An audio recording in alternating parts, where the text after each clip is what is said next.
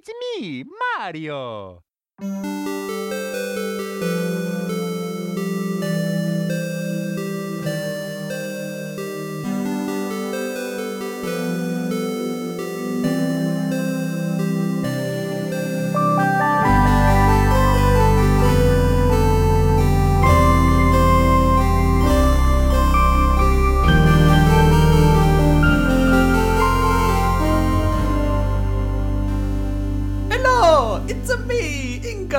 Dakanobuhauge. Og grunnen til at jeg tør gjøre en sånn smått små rasistisk intro på denne episoden av Crossover Gaming, episode 110, er fordi at eh, vi skal snakke om Mario i denne episoden.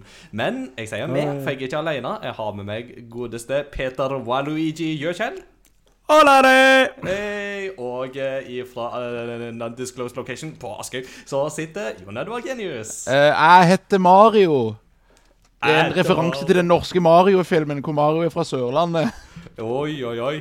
Ja, Men du vet at eh, Mario og Luigi de var jo faktisk på retromessa de, eh, nå i eh, Sandefjord, som jo var nylig, og der var jeg. Eh, Men bare igjen guest capacity Eller ikke guest capacity, jeg var visitor capacity, heter det vel kanskje. Ja. Guest capacity det høres ut som at jeg satt i et panel og var stor og viktig og noe sånt, og det, det, det var ikke tilfellet. Du, Men, men, eh, hva mener du? Hører? Du er jo viktig. Du er jo selveste Inga for Crossover Gaming. Hva snakker du om? Ja, vi er alle viktige på hver vår måte, ikke sant? Så, ja, men jeg er ikke en sånn, jeg er ikke en sånn eh, Victor og Chris, er det ikke det de heter, det som Mario og Luigi? Det stemmer. Det er Vic... Ja, jo, Victor og Chris.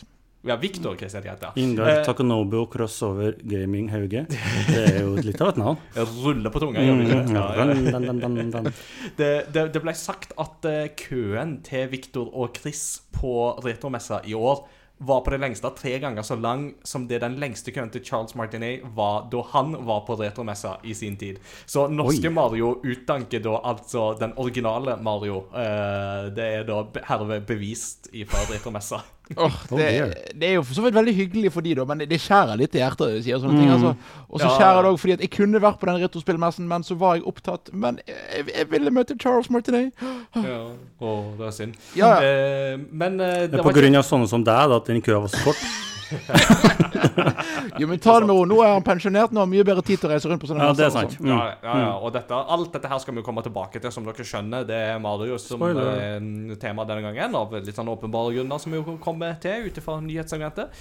Eh, Men eh, for å snakke litt sånn, for å fortsette praten om liksom ting og sånt i sist, så har jo retrospillmessa har jo vært. Eh, Da var jeg innom det endelig, for første gang. Eh, Det er liksom Alle andre ganger så hadde det vært før sommeren, og det hadde alltid vært en konfirmasjon eller et bryllup eller et eller annet annet som var på en måte å forhindre meg, men i år så gikk det endelig. Og det var litt gøy, for i år så var jo selveste og Uematsu var jo gjest. og Og det var jo Det var ganske mange der som var godt fornøyd med det, for å si det sånn, meg selv inkludert. Eh, selv om jeg jo har vært heldig nok til å være på konsert med han tidligere, så var det noe helt spesielt å ha Altså, å ha Nobuo Uematsu i Norge på en liten spillmesse i Sandefjord, det er jo som å ha Metallica komme og spille på den lokale puben din.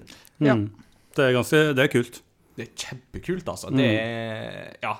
Eh, så det, det skal de ha, altså. Det, all ære til den gjengen i retromesser som har stått på og klart å få tak i den gjesten der. Og konserten var nydelig. altså Det var Det var en veldig artig konsert, altså. Det var en sånn tredelt konsert der det liksom i første delen så spilte han sånne såkal- såkalte modulations, som er liksom hans egne litt sånn lettere remixer av klassiske Final Fantasy-låter. Yeah. Sånn Matoyas Cave, Clash on the Big Bridge, eh, altså Eternal Winds, eh, en del av disse er fra liksom de klass, gamle Final Fantasy-spillene. Og så var det en bit i midten der han hadde innom eh, en sånn eh, ei stemmeskuespiller eh, og som satt og leste sånne småhistorier mens det var liksom sånn der bildekollasj som gikk på skjermen. Eh, Veldig interessant, med litt sånn der japanske Nesten litt sånn der japanske sånn der eh, Noen var litt, litt på den tendensen til horror, men det var mye sånn folklore og sånt, da. Men altså, Også, men, hva, eh, hva språk snakket denne, denne stemmeskuespilleren? Da var hun på japansk, men så var det tekstinga var på engelsk da, med denne bildekolleksjonen som ja. Ja. rulla gikk da. Så en- da kunne jo folk få det med seg. Det var en japansk seiyus var mer rett og slett. Kult. Ja, ja, hun var kjempeflink. Altså, hun, hun hadde range, altså. Hun hadde så range at det var utrolig kult. Hun gikk liksom fra sånn der, cutest til liksom sånn Veldig spooky. Så det var kjempegøy. Og når Uematsu sjøl snakket imellom, så hadde han tolk som oversatte. da Så eh, beklager til dere som var der. Hvis dere hørte han ene som bare Hæ! Alle, sånn et halvt minutt før alle andre, så var det meg. Eh, the, the, the, curses of actually knowing Japanese. Oh, wow. Eh, men så var det jo da tredje biten, så hadde han liksom hele dette her bandet innom som heter Kon-Tiki. Uh, Passende nok når de jo er i Norge. Eh, eh, hadde det vært mer tid til spørsmål under panelet tidligere på dagen, så hadde det vært gøy å spurt han Har du vært på Kon-Tiki-museet, og hvis ikke, skal du? Ja. Eh, men eh, det var jo veldig gøy. Da hadde han jo med seg eh, folk som han har spilt med lenge, annet i Black Mages og Earthbound Papas, som er disse bandene fra før. Eh, og en av de som jo også var med på perkusjoner og sånt, er jo han som var director i sin tid på Super Mario RPG. Så det var jo veldig kult. Ja. Og, og så hadde de ei veldig flink eh, dame med, som sang altså, og, da, og den tredje bolken, det var liksom en del av disse vokale stykkene fra Final Fantasy. Eh, så da var det Sticky Danay fra Final Fantasy 10, det var Eyes On Me fra Final Fantasy 8, Melodies of Life, Final Fantasy 9, Dragon Song, Final Fantasy 14, og så var det vel Kiss Me Goodbye fra Final Fantasy 12 til slutt. Så, mm. så det var en god, god range eh, på det, altså. Det var, det var mange som snufsa litt eh, underveis eh, i, i den biten der, så det var ingen tvil om at dette her falt i smak hos folk. Og det var en, var en god opplevelse, det må jeg si. Men nok om retromessa. Uh, Peter. uh, Hei. Hei. Der, Er er- der er du. Ja, du er tilbake. Yay! La oss, la oss få en liten sånn sitrep på din sommer og litt sånne ting. Hatt sommerferie. Det var, det var fint. Det var deilig. Jeg har reist eh, mye langt. Til Trøndelag, eh, Nord-Sverige, sværmor og, sværfar. Og uh, vært i Sør-Sverige, på tennis, sett på tennisturnering i Båstad med Kasper Ruud, eh, annet i finalen, så det var rått. Spennende første sett. Total nedslakting i sett nummer to. Så det var en kort, litt kortvarigere glede enn det som var planlagt. Men det var, det var veldig stas. Og så en tur innom Danmark og når vi først var nede i hugget. Naturligvis det året når Danmark er svindyrt, så måtte vi jo dit. Um, Det er viktig. men det, det var fint. Jeg satt og regna på det. Fint at jeg har kjørt og, litt over 5000 km i sommer. Uh, Så du vet hva det betyr? Du vet, jeg, har, jeg har eh, blitt flink til å kjøre i sommer, tror you would drive 500 miles, and you would drive 500 Det er så langt, det. så det men eh, også med elbil, så da tar det litt lengre tid. Men elbil gir deg mye mer feriefølelse når du er på roadtrip. Fordi du må ta det litt mer med ro. Og så plutselig så kommer du til en liten by, og så skal du lade, og så bare sånn Oi, hva har de her? Og så tusler du en tur, for du har en god hærtime hvor du kan liksom bare finne på ting. Ja. Eventuelt sånn på Vestlandet, så du, hvis du, sånn som jeg gjorde i fjor, og lånte Leafen til svigers for første gang, og plutselig var jeg på en fjellovergang, og ikke det var ladere på en times omkrets, og sånn Å nei, dette er bare oppoverbakker, og du ser prosenten synker og synker. Mm. men så kommer nedoverbakken, og da går prosenten opp igjen. Så det er jo Ja, ja, det Utrolig fascinerende. Jeg hadde en opplevelse jeg, hvor jeg kjørte i tolv mil uten at kilometeren gikk ned. Wow. Oi. Ja. Da eh, nedoverbakker, naturens Så, nei da, dynamo. flatt, men jeg, jeg fikk en, det var en liten kobling som kom på her. Hvor at mm. hvis at du legger deg ikke kjører 115, men i 195, da tjener du helt sykt rått. Så det, det var egentlig det, ja. Eh, Men ja, veldig utrolig fin sommer. Jeg fikk truffet mye familie. Vi hadde jo eh, s- eh, 60-årsdag, Annika og jeg. Eh, Dobbelt 30 i, på Ingrid Da var jo du det, Ingar. Det var veldig trivelig. Det, Det, var, det ble sådd til middag. Det ble sådd. Sådd og smørgåstårta. Det var veldig Dere Noen som lurer på hva smørgåstårta er, så er det eh, flere lag med loff og ymse pålegg. Den, den svenske som har bare tatt alt han fant i kjøleskapet og hevet på loff, Mm. eh, og så latt det stå i kjøleskapet. Altså, det er, det er helt overbevist om at det er smørgåstårta. Men det er veldig godt. Veldig. Eh, det, er- det er det. Eh, så det Kan, kan du si navnet en gang til? Smør... Smørgåstårta. Ah, okay. Smørbrødkake. ah, ja, takk, takk, takk. Bare hyggelig. Tusen takk. Er det noe mer du lurer på, eller? Nei, det går greit. Det går bra. okay. Eh, så det var liksom best av Sverige og Norge, og så var vi hjemme og grill og hadde pizza rundt og bålpanne og sånn på kvelden. Mens uh, vi hørte DDE langt i det fjerne, for de var og spilte nede på brygga et par kilometer unna. De, Så da ble det liv. de, de, de spilte vel på noen vinsjer på kaia, tror du ikke det? Mhm, jo, jo, det gjorde det. Og så, ja, starta som IKT. Mm. Nå er vi faktisk kollegaer. Så nå er vi kollega-kollega. Mhm. Ikke bare småkollegaer, avstandskollega, hvert sitt hus-kollega. Vi er kollega-kollega. Nabo, nabo til meg. Mm. Eh, og det er stas. Jeg holdt ut i 14 dager, og så bestemte hjertet seg for at jeg å begynne å spille um, hard rock og, og eh, instrumental jazz eller noe sånt, i stedet for eh, eh, rolig, vakker eh, musikk. Ja, så da ble jeg innlagt, og derfor var jo ikke jeg med forrige gang. Eh, så det, det, var, det, var, det var spennende. Lå i sofaen og slapp av med serie og hadde puls på 180. Eh, Det var en veldig spennende serie, tydeligvis. Ja. Uh, og jeg eh, har jo påpekt for eh, Peter at uh, han skulle jo bikka pulsen opp til 200, for da hadde han blitt stor og grønn og hulken. Nesten! Nesten. tar- Vi tar det neste so gang. close! Neste gang. Uh, ja, så det var, det var veldig rart. da. In- Så jeg innlagt på sykehus, og så var ikke helt i form til å komme tilbake, så da ble det litt tungt å være med på crossover gaming, gaming de gangene der, men nå er jeg her. Men og jeg, Det si, går fra, bra. fra, fra spøk til alvor, så bra at det gikk bra til slutt, da. Ja, det Ja, det vil jeg si. Men jeg kommer til å få det igjen. Så jeg, Å ikke, oh, nei!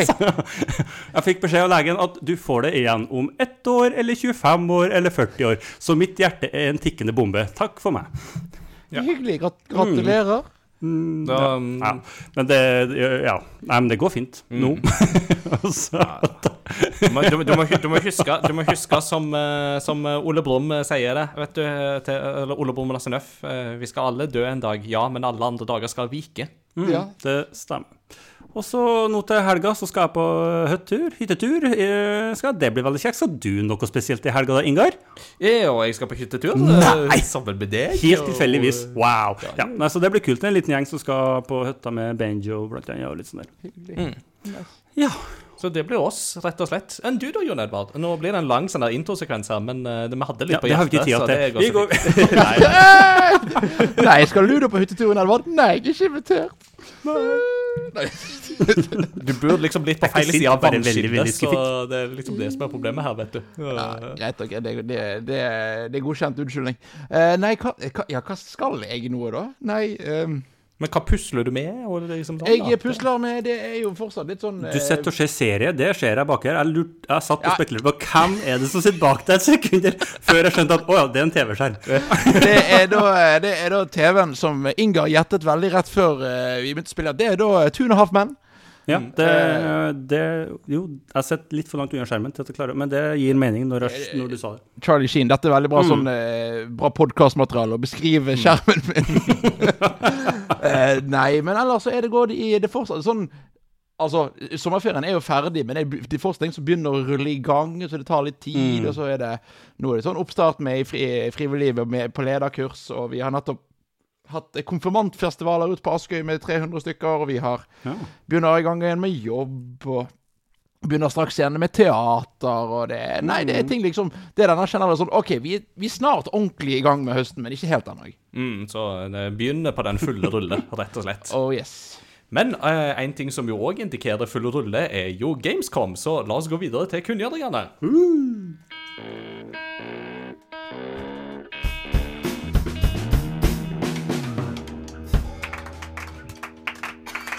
Ja. Eh, himmelsk lyd fra ungdommene. Eh, nå er det ukens kunngjøringer. Det stemmer, folkens. Gamescom har vært i eh, Er det Köln? Ja, det er vel Köln i Tyskland. Det pleier å være, hvis jeg ikke husker feil. Det, jeg ble så overrasket over at det, det var noen som lærte meg forleden at eh, Cologne er jo det engelske Altså, Cologne er jo det engelske navnet på Köln. Jeg har alltid trodd at det var et eller annet sted i Frankrike. Så jeg ble sånn What?! Ah, altså, jeg er litt heldig, for min, min, min farfar bor i Køllen. Altså, Ja. det har jeg for så vidt visst så lenge, men ja, OK. Ja, det er jo Ja, så sånn er det. Jeg har veldig lite forhold til Köln, Cologne eller ja, Ja. Så mm, det var litt for meg alt der. Det er jo godt, det, da. Eh, så det har jo vært Gamescom, eh, stor spillmesse, uh, og det meste som har blitt vist, har jo som regel vært vist fram tidligere. Men det har vært et par små nyheter og ting med jigs som har vært vist fram. Uh, for tech-delen, det som har blitt vist mer fram der, så anbefaler jeg Digital Foundry sin gjennomgang av det. Men eh, det som vi annet har fått, det er en annonsering av skrekkspillet Little Nightmares 3. som jo da kommer ut. Jeg har spilt Little Nightmares 1. eh, likte det sånn passe godt. Tenkte jeg skulle begynne på toen. Har ikke kommet så langt, men nå har jeg jo et godt påskudd til det. Ingen dato, men 2024 er vel det de har snakka om. Og denne gangen får det coop, så det blir jo spennende. Det er spennende å se. Og så eh, en serie som jeg har litt mer forhold til. Get ready for the next battle! Tekken 8 har fått lanseringsdato 24.1.2023. Nei, 2023, Nei, det har det ikke. 2024. så Nei, men altså det, Street Fighter 6 har jo hatt eh, veldig bra introduksjon dette året her, og Mortal Kombat 1 kommer jo nå i september. Og og så kommer jo da Tekken 8. Når ikke på en måte kalenderåret 2023, men fortsatt alle disse tre storseriene får jo da en ny lansering innenfor ett år, eh, og det er jo ganske kult. Ja, kan jeg bare si at Det er litt sånn fascinerende. Det er ganske kult, men samtidig eh, jeg, jeg vet ikke, eh, Gjør dette at publikum blir så hauset opp at de blir mer gira, eller ødelegger de for hverandre med å komme ut såpass nærme? Jeg vet ikke, Hva, hva tenker du, Ingar? Eh, jeg, jeg for min del blir jo for så vidt gira på det, fordi at jeg er jo Altså, det, det gjør det jo lettere for meg å få et sammenligningsgru- sammenligningsgrunnlag og se hvor de ligger henne. Eh, og jeg er jo så, altså, nå er jeg jo der at eh, Mortal Kombat har jeg på en måte aldri helt kommet inn i, så det er på en måte litt sånn kjekt for de som syns det er gøy, og kjekt for fighting-spillentusiastene, men for min del så blir det nok ikke det jeg prioriterer. Men Tekken og Street Fighter er jo serier som jeg har såpass forhold til at det er jo alltid gøy å se hva de kommer med der. Eh, og ikke minst fordi at de har jo på en måte en sånn rivalisering mot hverandre der, som er veldig dynamisk og spennende og sånt. og uh, Nei, så jeg, så jeg kjenner at uh, jeg, for min del gleder meg, i alle fall. Ja. Ikke minst fordi at Street Fighter 6 har gjort meg veldig keen på den type Altså på fighting-spillsjangeren igjen. Så det, mm. Så det tenker jeg iallfall. Uh, så er det ikke Gamescom-relaterte nyheter. Vi går litt over i andre ting. Um, en ting som jo er litt sånn dystert Eller dystert, det hørtes litt feil ut, men en nyhet som jeg ikke liker så godt, er at Xbox 360-butikken skal stenge ned 29.07.2024. Så fra og med den datoen der så vil det være et knippe på rundt 220 spill som da ikke lenger kan kjøpes. Det kan lastes ned hvis du har eier det fra før, men de vil da ikke være tilgjengelige. Og det er en del store titler inne i bildet her. altså Det er sånn som The Wolf Among Us og litt sånne ting. Sånne spill som er på en måte relativt kjente og sånt. Og ja, du kan i teorien spille de på andre plattformer, men det er likevel noe med at denne her eh, trenden med å stenge ned digitale butikker er veldig urovekkende. Eh, Hva tenker du her, Jon Edvard? Nei, eh, jeg tenker at dette er jo en, en kjempekjip nyhet. Og vi snakket om dette allerede forrige episode, med dette med at en ting er en måte de store titlene som får remakes og får liksom samlinger, men hva skjer med de helt greie spillene? For en ting jeg likte med, med Xbox, var at der var det en såpass stor bredde, ikke bare i bakoverkompatibilitet, men òg med tilgjengelighet. Eh, med at du kunne faktisk Altså, eh, de fl aller fleste spillene på Xbox 360 kan du for, kunne du fortsatt kjøpe, eh, og spille på din nye Xbox. Og det er en eh, Altså det er en, Jeg mener jo det er en styrke, men det er på en måte Jeg vet ikke, Det at Xbox nå slutter med det, er jo et tegn på at Altså, det, gjør ikke meg mer håpfull for fremtiden at de gjør det. Nei, og det er liksom òg litt den der med at du har sånn som Phil Spencer, som er sjef for Xbox, som sier det at eh, de er veldig opptatt av game preservation. Altså at det er absolutt en ting som han har et hjerte for, og som eh, de er veldig opptatt av. Men samtidig så er det jo en sånn Ja, men det, det som skjer her nå, er jo likevel noe som på en måte ikke underbygger akkurat det. Så her er det jo en balansegang å måtte gå. Og framtida ligger jo stadig mer i det digitale, og der er jo Microsoft veldig i front med GamePass, ikke sant. Så satser jo de på en veldig digital framtid, og da blir jo dette her spørsmålet bare mer og mer aktuelt jo lenger ut en kommer. Det er trist. Mm. Så vi snakket jo en del om dette her i forrige episode, så de som jo vil ha litt sånn generelle tanker rundt det, kan jo gjerne pense tilbake til kunngjøringsbiten i episode 109. Eh, videre så har PlayStation Q denne håndholdte skjermen med en, eh, nei, en eh, PlayStation-kontroller som er kappa i to og klistra på hver sin side med Ultrahand-egenskapen fra Tears of the Kingdom. Den har fått et navn, og den skal hete PlayStation Portal. Eh, opp med hånda, alle som kommer til å si PlayStation Portable istedenfor meg. Yeah, oh, Å, den nye PSP-en Nei. Jo. Jo, det er jo det. det er det, det. Not confusing at all. Eh, så, og dette er jo veldig fascinerende, fordi at eh, da denne her ble kunngjort, så snakket vi jo om at eh, her har de basically laga det folk trodde Wii U skulle være. Altså en eh, skjerm som du kobler til PlayStationen. Og nå har de jo til og med tatt en Nintendo-kopi med å gi denne saken et ekstremt forvirrende navn ved å kalle det noe som ligger veldig tett opp til det du har kalt noe før. det er, og jeg vet ikke på en måte, og det gjør ikke meg veldig håpfull med tanke Altså, de har nettopp lansert eh, PlayStation VR2, som ikke slo veldig godt an, og da på en måte tenker de at ja, Wii U, det er konsollen å kopiere. Ikke sant? Det, jeg, jeg, men jeg, heier- jeg, altså, jeg, jeg snakker som en person som faktisk sitter og har en PlayStation Vita innen, hånds, altså, innen rekkevidde på pulten min. Den, Den var pen. Den var pen. Den, Og jeg har, vent, bare for å si Jeg har en game jeg har, Nei, jeg har da en PS Vita og en Gameboy Advance SP liksom på pulten min. eh. Så jeg, jeg har alt klart. Uh, oh. Men, men jeg, jeg kjenner på dette er dette er jo, Jeg tror det er en god idé, men, men samtidig er jeg litt sånn Hæ? Hva, hva, hva er baktanken? Er dette liksom det folk ropte ut etter og hadde behov for? Mm. Og det er jo liksom litt dette her med at Alle eh, gifte ja, gjorde vel kanskje det Eller med barn. De som, du vet de som har kjøpt 65 og 70 et eller annet tommere for å se Superbowl, og så har kona på at stemmer, en datter, ja, hun skal se barne-TV. Ja. Men da, men det er da, du kan jo spille Eh, Superbowl-game. ja, men det, men det er da du kan spille remote play til telefonen med PlayStation-kontrollen din. Det er jo det du kan. Det er jo det du kan. og det vet du, det er billig. Eh, Og det, og det er jo Billigere, i hvert fall. Ja, for denne her saken her kommer jo til å koste 219,99 euro, så sannsynligvis sånn rundt 2500 norske kroner. Uh, en ting som jo er for så vidt positivt her, er jo det at det tidligere så har det vært snakk om at den kun ville være operativ på ditt lokale nettverk. Eh, Nå viser det seg at du kan spille den over nett, uh, så, men du må jo fortsatt streame disse spillene fra din PlayStation 5 eh, til denne enheten. Eh, og det faktum at du ikke kan laste de ned eh, og spe bare spille de direkte på, selv om jeg jo skjønner at det er et kapasitetsproblem, men det gjør jo at denne her stiller jo hakket svakere enn både Steam Deck og Asus ROG Ally og Nintendo Switch og andre håndholdte løsninger. Ja, og så i tillegg til at da PlayStation sine egne cloud-løsninger, det som da før er PlayStation Now, som nå på en måte bare er en del av PlayStation Plus gamestreaming, det fungerer ikke på denne. Det er kun lokalstreaming fra konsollen din, som betyr at disse tingene som f.eks. PlayStation 3-klassikerne, som du kan spille på PlayStation 5 via streaming, kan du da ikke streame direkte til denne. Du kan eventuelt streame det til PlayStation 5-en, og så videre til PlayStation Port Portal. Ja, det tok ikke fem minutter engang. Nei. Så det er Jeg vet ikke. Dette er sånn Ja, jeg liker ideen, eh, men, men samtidig Åh, nei. Ja.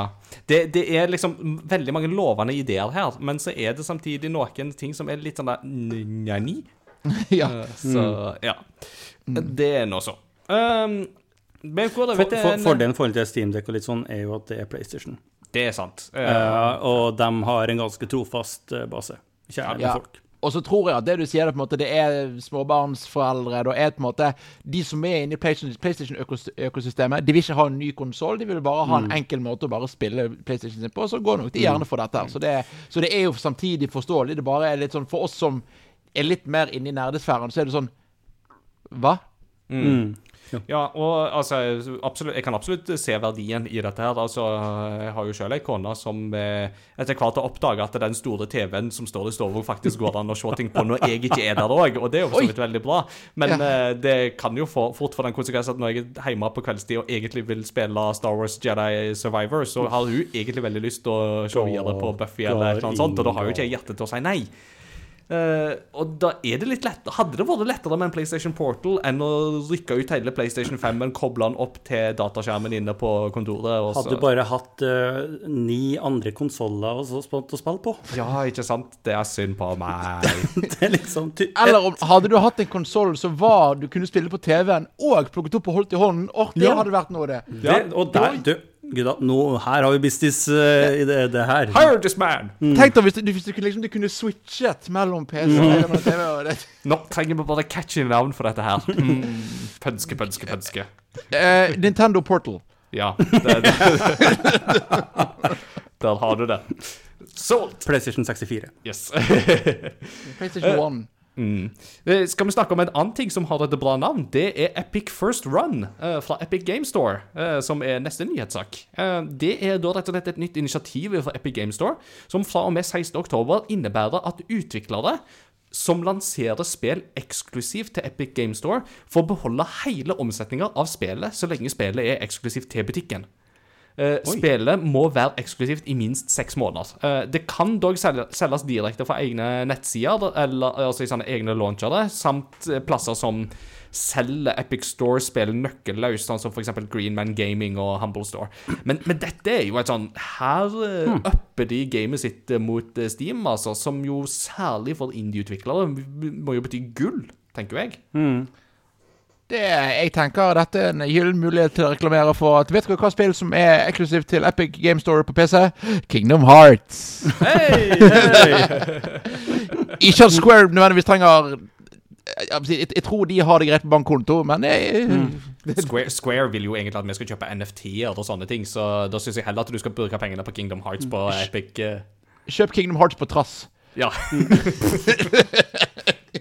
Kan, det, her kan, det her kan jo bety at vi får ganske mange mindre, en del mindre spill på Steam av eh, utviklere som står der eh, liksom for seg sjøl. og at du må over på Epic for å komme over de små gullgruvene der. da. Mm. Ja, det er det jeg òg tenker. ikke sant? Så det, det, er jo det er et veldig spennende initiativ, så det blir jo interessant å se hvor mange som henger seg på. Eh, noen som eh, kanskje ikke henger seg på fordi at de lanserer litt spill over hele fjøla, det er BioWare. Eh, og BioWare holder jo nå på med å utvikle både det neste Mass Effect og Dragon Age 4, eh, eller Dragon Age Dreadwolf, som det jo egentlig heter. Så mens de jobber med disse to store prosjektene, så har de bestemt seg for å nedbemanne med 50 ansatte.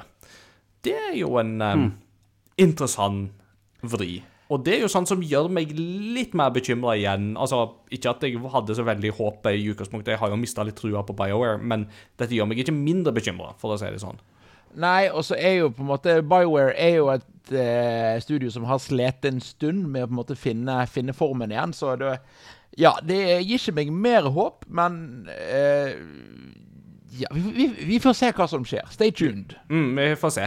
Uh, jeg er nok der at jeg er absolutt interessert i disse spillene, og de, de kan fort bli bra, det er ikke det, men BioWare har mista litt tilliten hos meg. Så jeg er litt avhengig av at disse spillene kommer ut og blir testa litt, før jeg da kan på en måte gå god for dem. Det, det, det, det er ikke bare å hyle ut at 'they're back' med en gang du kommer, liksom. Det, Nei, ikke sant. Eh, det som òg kommer back, det er Star Wars Dark Forces og Turk 3 Shadow of Oblivion. eh, to spill som nå får remasterne. Eh, og de kommer av Night Dive Studio, som er studio bak bl.a. den nye System Shock-remaken, som jeg har hørt skal være ganske bra. Her, her må jeg bare ta en sånn liten håndsopprekning, selv om jeg tror kanskje jeg vet svaret, men Star Wars Dark Forces, er det noen av dere som har spilt det? jeg har ikke hørt om det engang. Jeg har aldri hørt om engang. Jeg har ikke hørt om det her. Nei, har ikke hørt om det engang. Ja. Nei, uh, Star Wars Dark Forces, det var en På en måte så kunne man fort få inntrykk av at det var en sånn Doom-klone fra 1995. Men det var faktisk et eh, Star Wars First Person Shooter som tok First Person Shooters i en ny retning, annet pga. veldig mye bruk av vertikalitet. Ah. Som var veldig, veldig bra. Og dette var det første spillet som òg hadde Kyle Katarn i hovedrollen. Eh, som jo er mannen i den gamle kanonen som man jo da spiller i spill som Jedi Knight eh, 2, Jedi Outcast, og som også er innom i Jedi Academy, og en del av de gamle Star Wars-spillene der. Eh, I dette spillet så var han en mercenary og hadde ingen force abilities, og første oppdrag i det spillet er at du stjeler planene til Dødsstjernen. Hey. Eh, Så den er jo ikke lenger kanon, for å si det sånn. Men eh, absolutt et artig spill, og jeg liker det jeg ser, så det blir det spennende. Et spill som jo har uh, tatt verden med storm, det er Boulders Gate 3. Uh, som jo foreløpig har kun vært på PC, og som kommer til PlayStation nå i september. Og Xbox-versjonen har vært litt sånn missing in action. Nå skal det komme til Xbox i 2023 likevel, men det har en hake. Og det er at Xbox Series S-versjonen får ikke split screen co-op. Dette var det som forhindra Larian i å lansere spillet på Xbox, og Microsoft har hatt en policy på at eh, alle spill skal i utgangspunktet ha de samme funksjonene, både på Series S og Series X. Nå har de da gjort et unntak fra den regelen, eh, og det er jo en litt sånn bety Hva betyr dette eh, for framtida? Ja, nå er jo døren åpen, så da blir det på en måte spørsmålet hvor lang, altså, hvor lang tid blir det til neste storspill tillater det? Og så er jeg for så vidt eh, positiv til at, Altså, jeg vil heller at de unngår det, enn å slippe det, og det funker halvveis. For min del, jeg, jeg, jeg, jeg, jeg, syns dette er en grei måte å løse det på, men jeg er spent på hvor kjapt vi går til at dette på en måte blir, blir en form for standard på sånne eh, moduser i, i Series S. Mm. Nei, det jeg liker å Eller jeg tenker at det blir interessant å følge med her, da, altså. Det, det kan jo fort åpne en dør som er litt vanskelig å stenge. Og litt sånn, ja, Larian fikk lov, hvorfor får ikke vi lov, for eksempel? Uh, Eller for, for Xbox, altså for Microsoft sine egne spill, for den saks skyld, så er jo dette enda mer interessant. Hvorfor de fikk lov? Fordi det er sykt mange som vil ha det, og vi tjener veldig mye penger på det. Mm, det jo Ah, det penger! Det er der Ja, du tenker, ja, du tenker så Mm. Ja, ja, ja. Vi snakker om eh, penger. Uh, hvis du har 130 dollar til overs, så kan du 17.11. kjøpe deg en Atari 2600 pluss. Uh, en konsoll som er annonsert av Atari og Playon, som da er en form for relansering av den klassiske eh, konsollen. Eh, her får du en konsoll som er 80% av størrelsen til originalen, og som støtter faktisk eksisterende 2600 og 7800 kassetter. Ingenting om 5200, men det var en konsoll som jo eh, havarerte ganske fort, så langt jeg kan min spillehistorie. Eh, så dette er jo litt sånn her eh, Dette er jo litt sånn gøy, for at eh, dette følger jo litt sånn i kjølvannet av Analog sine konsoller, f.eks., som jo har hatt disse Analog N10, Analog S10 og Sånn som har spilt på en måte Der du har hatt muligheten til å spille gamle Sega-spill, du har hatt muligheten til å spille gamle Super Nintendo-spill, Gameboy-spill med Analog Pocket har jo vært en veldig stor glede for meg i sommer. Eh, så denne virker jo til å på en måte motivere litt på samme greia, med at har du originale spillkassetter liggende, så vil du nå kunne plugge en konsoll med HDMI, og så bare spille rett på. Så jeg, jeg tenker jo at det er jo kjempespennende, selv om jeg har null forhold til Atari sjøl. Ja, og så er det spennende, fordi at Atari er jo da eh, en av de få av, av disse på en måte konsollprodusenten som sier hei, vi gir ut vår egen konsoll, på en måte, istedenfor igjen Du ser jo ikke Nintendo eller Sega eller noen av disse andre driver og gjør dette. Hadde gjerne syntes det var kjekt hvis Nintendo Altså, de har jo disse Classic-seriene, men da på en måte Hei, spill de gamle spillene. Og så blir det jo samtidig også spennende å se. Jeg vet ikke, på en måte Kassetter er jo fysisk form, og da er spørsmålet er, er, det, er det kassetter som Altså, hvor mange av de funker fortsatt? Jeg vet ikke, jeg vet ikke om disse spillene hadde minne. Det tror jeg kanskje ikke. Nei, ikke på den tida der. Altså, De første Nei. spillene som jo begynte med den slags, var jo mer på sånn som eksempel Nintendo Entertainment Ja. System. Altså, uh, The Legend of Zelda var jo det første spillet som jo kunne, der du kunne lagre underveis, eksempel. Altså på kassetten. Uh, det var jo ikke gjort før det, og det var jo grunnen til at det spillet ble jo i Japan lansert på Famicom Disk System uh, opprinnelig. Fordi at det var den muligheten du da hadde til å lagre progresjon på den måten. Og så fikk man dette her med internbatteri etter hvert. Så er det spennende, fordi Atari de lanserte, om det var en kickstarter eller en eller annen form for kampanje for å lansere en annen konsoll som var litt mer moderne. Jeg vet ikke om Ga de noen gang ut den? Det var masse jeg litt overblikket på. Ja, den òg fisla litt ut i sanden. Altså, Jeg vet ikke om den ble gitt ut, eller hvordan det var. jeg, altså. Det, det var jo den som het Atari VCS, eller altså, den het vel bare Hadde liksom det navnet der. Den var ganske slik design på den, men jeg jeg, innrømmer, jeg leste noe om det på et tidspunkt, men uh, så har jeg glemt det litt ut igjen. Så hvem vet. Det, det, ja, for det var liksom det med at Ja, det, er, det var jo en artig idé, og så bare forsvant det. Ja, men altså, hvis du skal virkelig på en måte grave litt i sånne konsollprosjekter som jo er litt sånn her veldig interessante, så må dere jo bare søke opp historien om Amico Intellivision. Eh, altså der Tommy Tallarico har kjøpt rettighetene til navnet Intellivision og skal prøve å lage en konsoll i hermetegn som jo skal holde på å si ha noen er touchskjermer på kontrollene og noe sånt noe, og det er jo Altså, det der er et eh, PR-mareritt uten sidestykke, altså veldig interessant. Men eh, det får bli et tema til en annen gang, tenker jeg. Eh, Oh yes. eh, Siste sak på nyhetssjiktet, det er jo fra i dag. Og da spiller jeg ballen til deg, Jon Edvard, for du satt og så på Nintendo Direct-sendinga i dag. Yes, jeg fikk med meg Super Mario Wonder Directen, som da var jo da på en måte eh, noe som PlayStation pleier å gjøre ganske ofte, og Nintendo gjør av og til. Det er på en måte å ha en livesending dedikert til, til sitt nye store spill. Og Mario Wonder er jo definitivt det neste store spillet fra Nintendo. Og eh, det var en eh, Det var en Nintendo Direct. Det var liksom ingen Det var ikke den store reveal her, på en måte, men det var litt sånn generelt nytt om spillet. Det er tolv spillbare karakterer. Oi! Eh, det er da Mario, Mario, Mario, Luigi, Peach, Daisy, Yellowtoad, Bluetoad, Toadette. Og så har du da eh, Yoshi, Red Yoshi, Yellow Yoshi, eh, Blue Yoshi og Nabbit, som da er spillet sin easy mode, for å kalle det det. Eh, og da har du da et spill med at Yoshi-karakterene De kan da, som Yoshier pleier å gjøre, de kan spise fiender, og alle andre spillere kan ri oppå Yoshi. Eh, I tillegg så er det både lokal multiplayer, som det pleier å være, og online-moduser, hvor de går litt mer på at um, hvis du er online, så er det da sånn at du spiller, og så ser du bare andre spillere løpe rundt i verden din, eh, og så var det en del Altså, Det er ikke noe revolusjonerende, men det, det er hakket mer online enn det type uh, New of My Brothers har vært tidligere, da. Jeg forsto at det var det som de kaller for asynkron uh, online-spilling.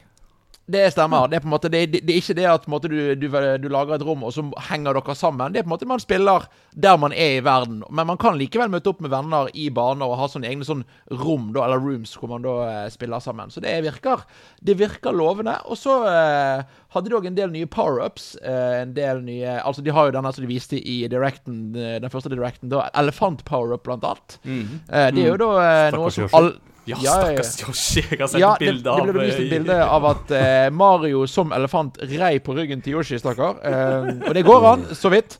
Eh, og, alle, og alle karakterene kan da bli til elefanter. Uh, og en annen ti- artig ting er badger, som da er gameplay uh, power-ups, som du da kan du unlocker underveis. Og da kan du velge en per en før hvert level.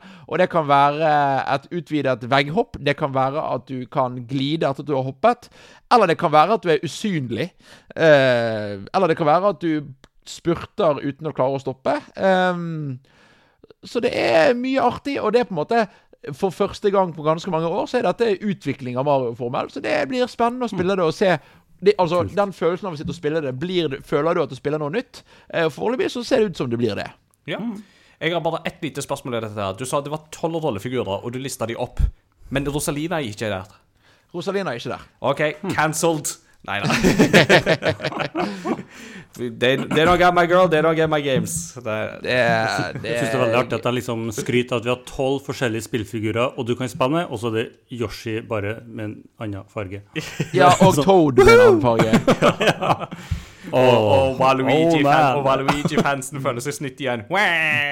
Ja, og hvor er Wario? Hvor. Nei, vi skal ikke ta det nå. Men det skal jo så det sies at uh, i, det, i dette spillet uh, For den nye uh, eh, i, I dette spillet så er jo det da en ny person som spiller Super Mario. Men det lille vi hørte her, det er definitivt fortsatt lyden av Mario, for å si det, da. Veldig spennende. Eh,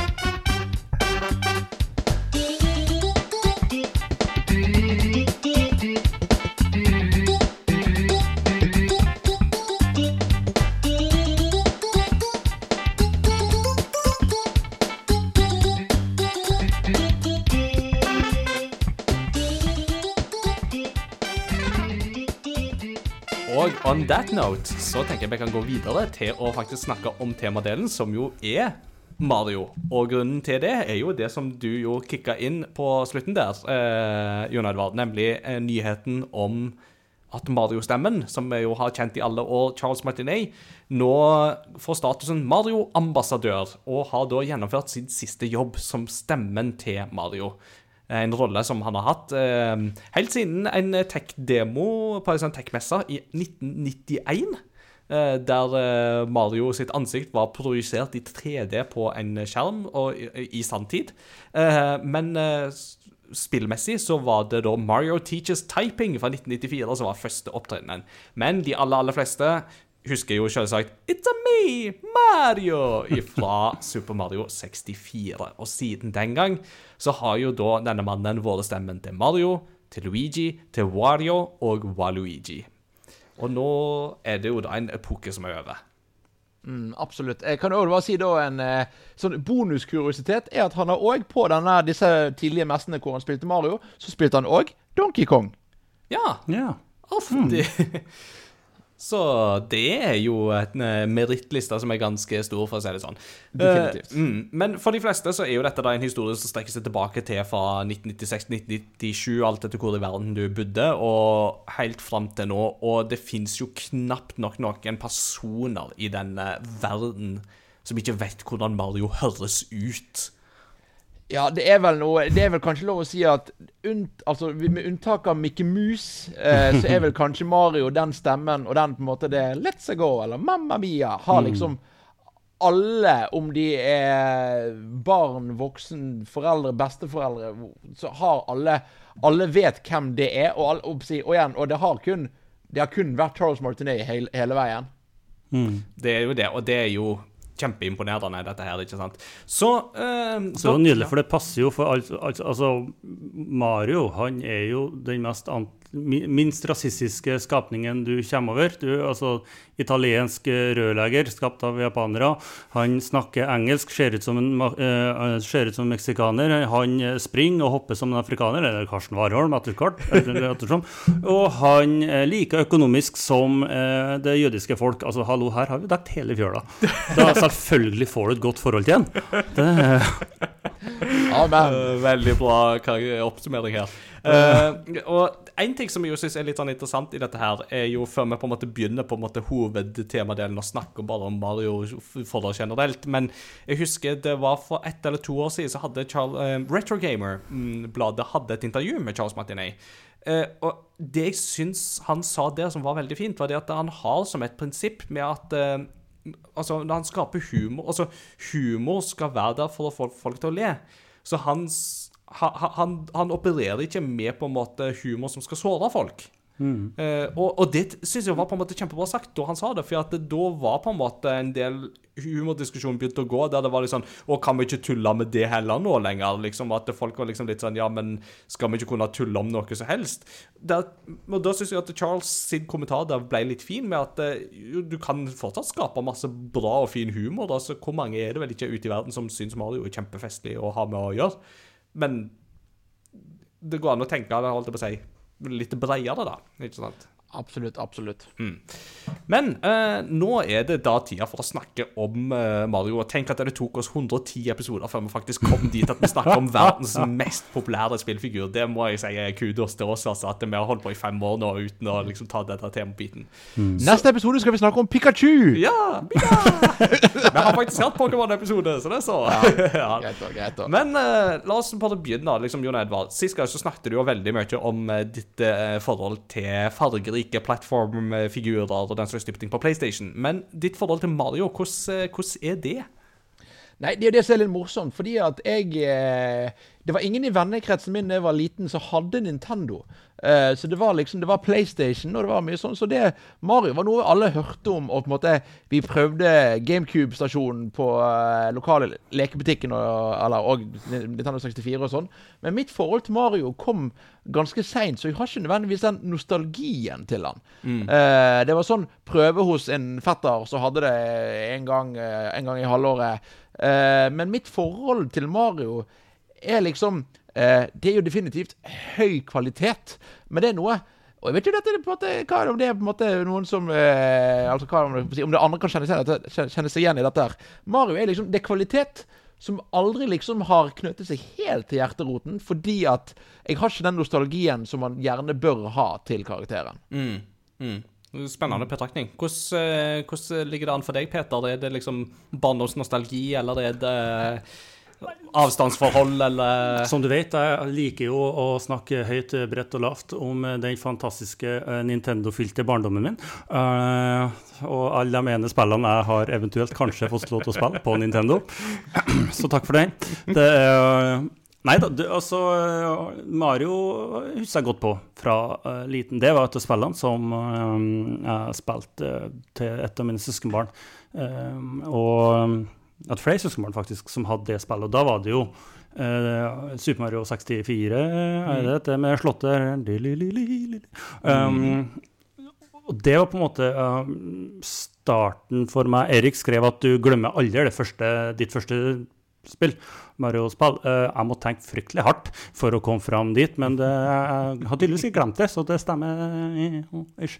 Eh, men har veldig gode minner med det, og så har jo det vært et spill som har kommet tilbake jevnt hele veien opp gjennom, fordi alle sammen liker Mario.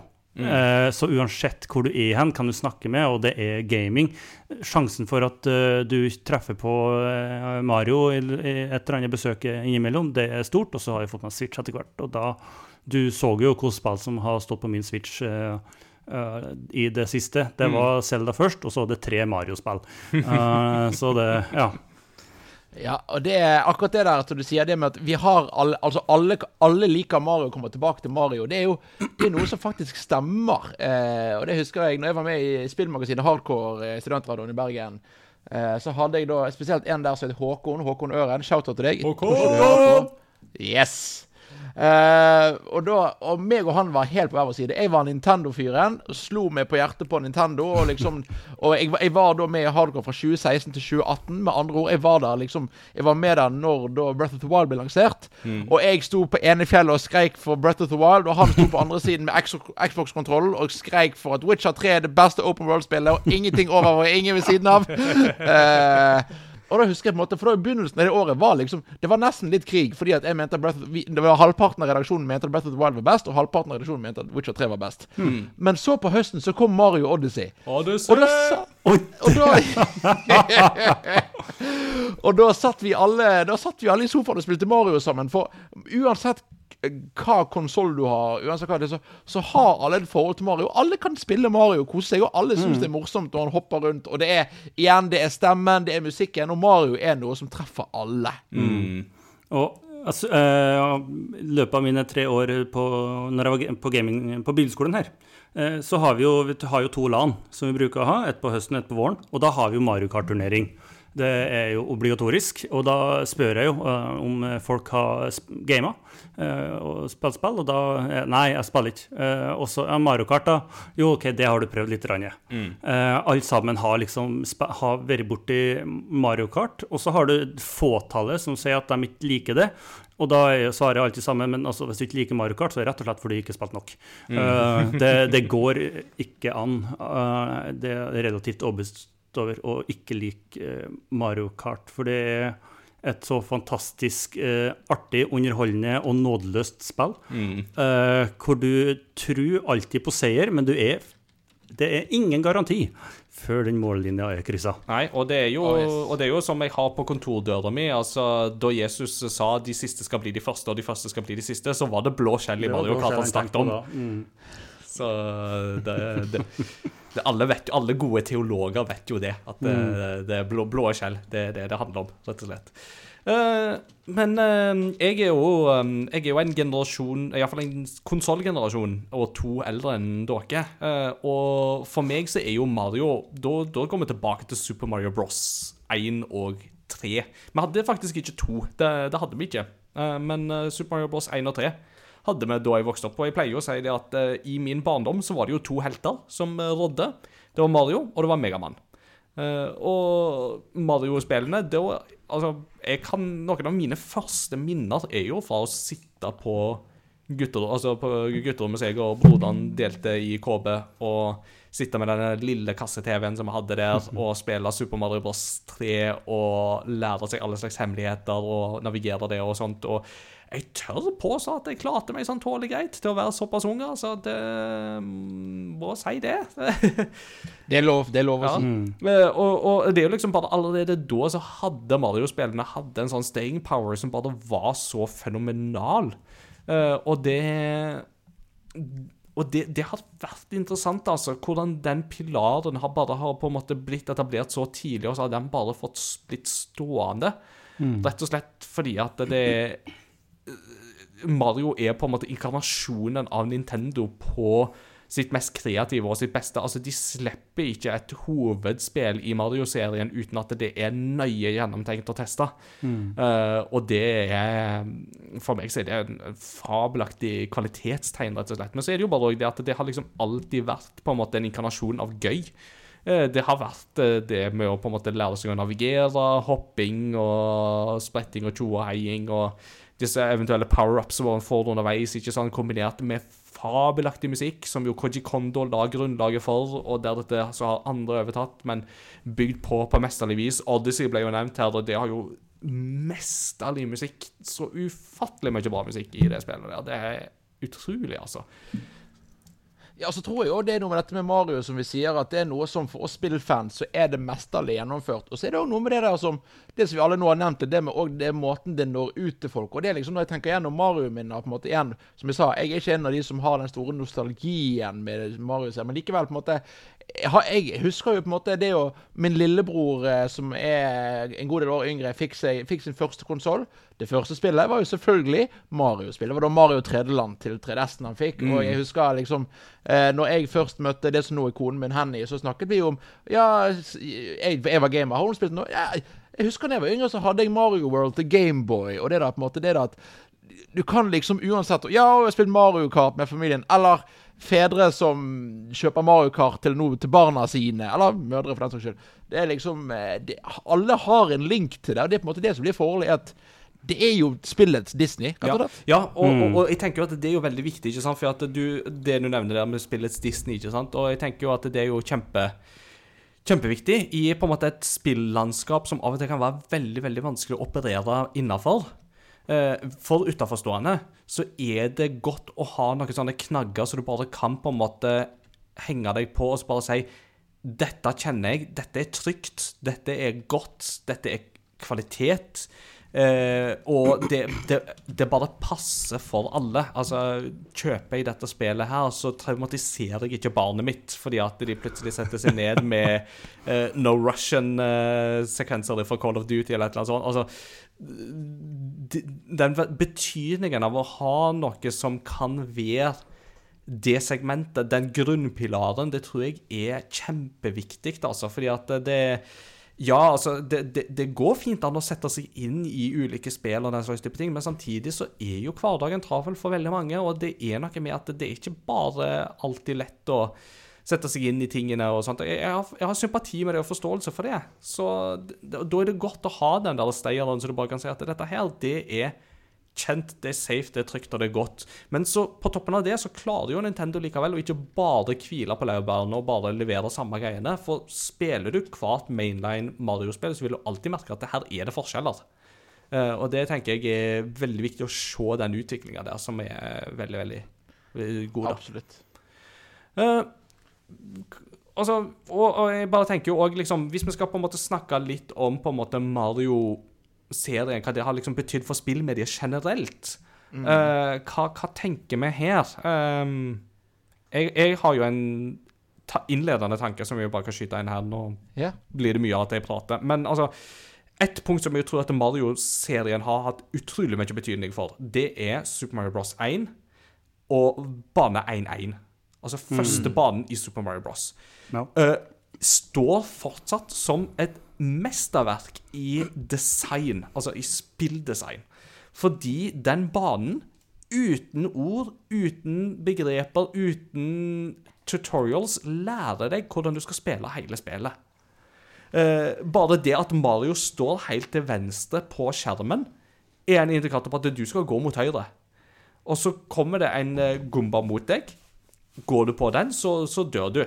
Og så lærer du deg å trykke på de få knappene du har til rådighet, og så lærer du oi, jeg kan hoppe. Hvis du hopper over gumba, så lærer du at oi, da dør du ikke. Og så får du disse blokkene, og så får du hindringer. Og så alle disse småtingene her lærer deg det du trenger for å spille spillet.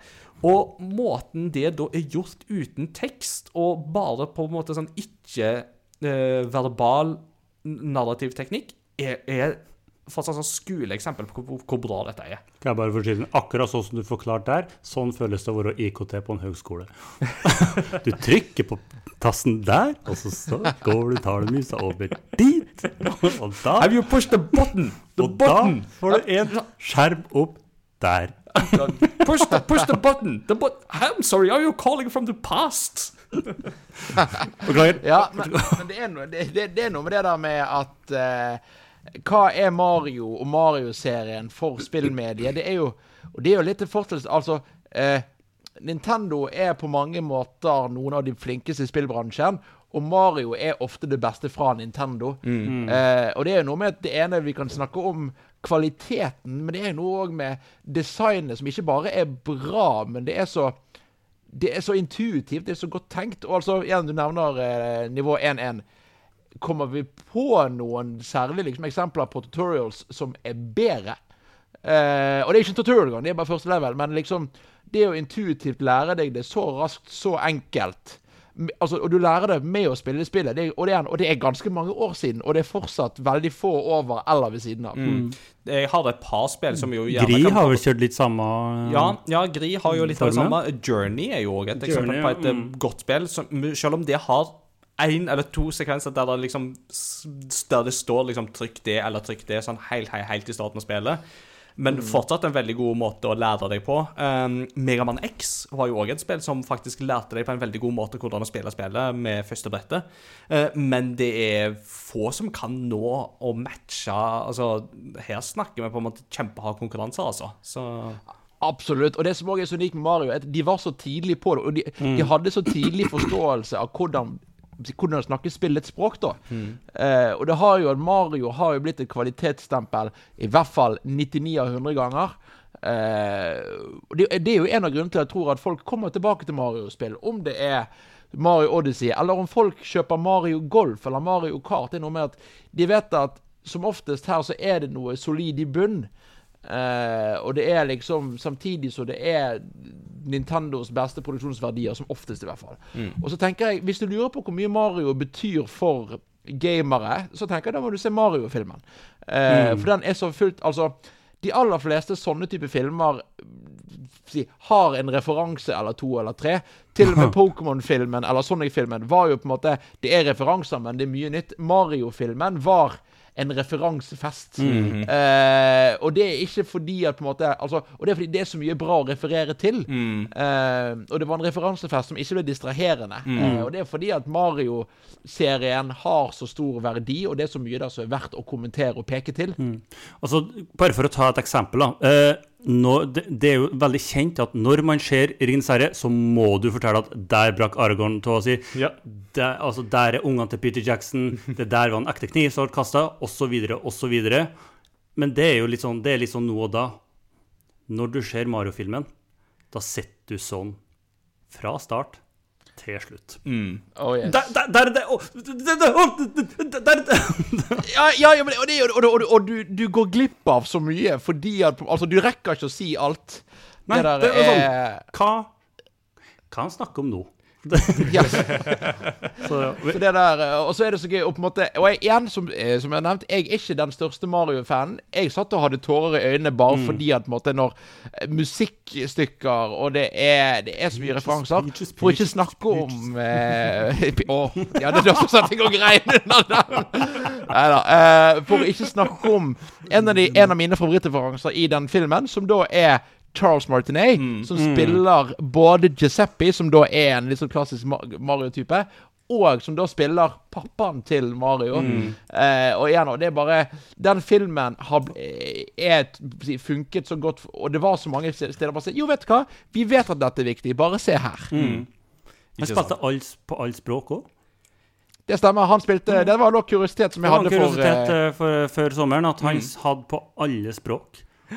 Det er, Så var han Giuseppe. det er imponerende, altså. Det er altså. helt vilt. Det er så imponerende. Det sier jo litt om talentet til, til mannen her, altså. Det blir liksom ikke så imponerende med Groot lenger. Nei, det var liksom det. I'm Groot, soy Groot. Ikke veldig Nei, nei. Soy Groot. Watashi wa Groot. da.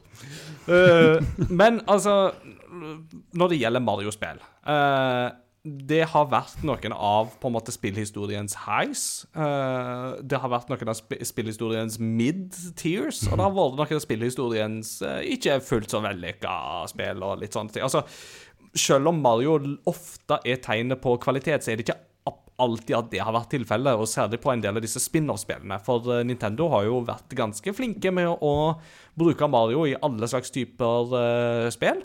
Og det har jo vært en styrke, eh, fordi at de har da hatt en veldig gjenkjennelig maskot, eh, som jo da andre spillselskap på 80- og 90-tallet forsø forsøkte å kopiere så det suste etter. eh, og veldig få klarte jo det. Altså, Sega fikk Sonic og klarte liksom det.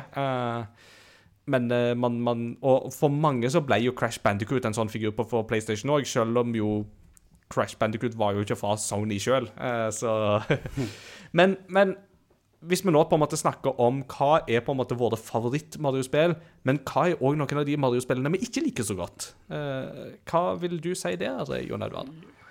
Nei, der har jo altså Jeg eh, har vært så heldig at jeg har, jeg har ikke prøvd mange av de som virkelig ikke funket. Så liksom Hvis jeg skal liksom si min verste Mario-opplevelse, så er jo det knyttet til ekstremt frustrasjon til menneskene rundt meg i sånn veldig hektiske Super Mario Brothers New Super Mario Brothers to Wii, hvor du sitter og på en måte og du blir eh, kastet eh, Eller unnskyld meg, Mario 3D World òg til tider, hvor du blir kastet av verdener, og det er mulig å min, Mine verste Mario-opplevelser handler ikke om spillet, det handler om de dustene som ikke gjør som de får beskjed om! Vakkert, rett og slett. Det er ikke bare å se problemet, det er folka. Nei, men, altså, ja, ja. Det, det, er liksom, det er litt samme jeg sitter med, uh, bortsett fra at jeg kan ikke kalle dem duster, fordi det er, ung, det er tanteungene til min kone. Uh, hvor jeg da syns det er vel, altså, Min glede i Mario det er å prøve å finne Du skal finne til alt som du skal finne til, du skal utforske. Fart! Rett igjennom fortest mulig. Ingen krumspring, så jeg blir jo bobla ut av en annen verden. Og du skal jo være et voksenforbilde, vet du, og det er jo fint. Og så sitter du der, og så får de flest poeng, og så får de den der forbanna kronen, og så sitter du der bare 'Hvorfor er du så dårlig? Jeg trodde du likte spill!' Ah! Men det viktigste er jo at vi tross alt viderefører den personen til neste generasjon, og da får vi heller tåle litt personlig ydmykelse en gang iblant. Så Absolutt. absolutt. Men du da, Ingar. Hva, du, har du vært litt mer uheldig kanskje i spillvalget enn vi har? Altså, Altså- han har spilt et par flere Mario-spill enn vi. Et par, da. Men uh, altså Når det gjelder en del av disse spin-off-seriene og titlene, så har jo jeg um, et par issues. Um, et av de issuene er jo faktisk med Mario Party-serien. Eh, og Ja. det er jo litt kontroversielt, for jeg vet at Mario Party betyr veldig mye for veldig veldig mange. Men for meg så har Mario Party aldri hatt den appellen. Uh, det, jeg har liksom ikke helt klart å få det forholdet til det spillet, men Du har bare, du har bare tapt, du. Nei, nei, altså, jeg tror at det pro problemet mitt har nok heller vært at eh, jeg har ikke hatt tre venner å spille sammen. Oh, no! no.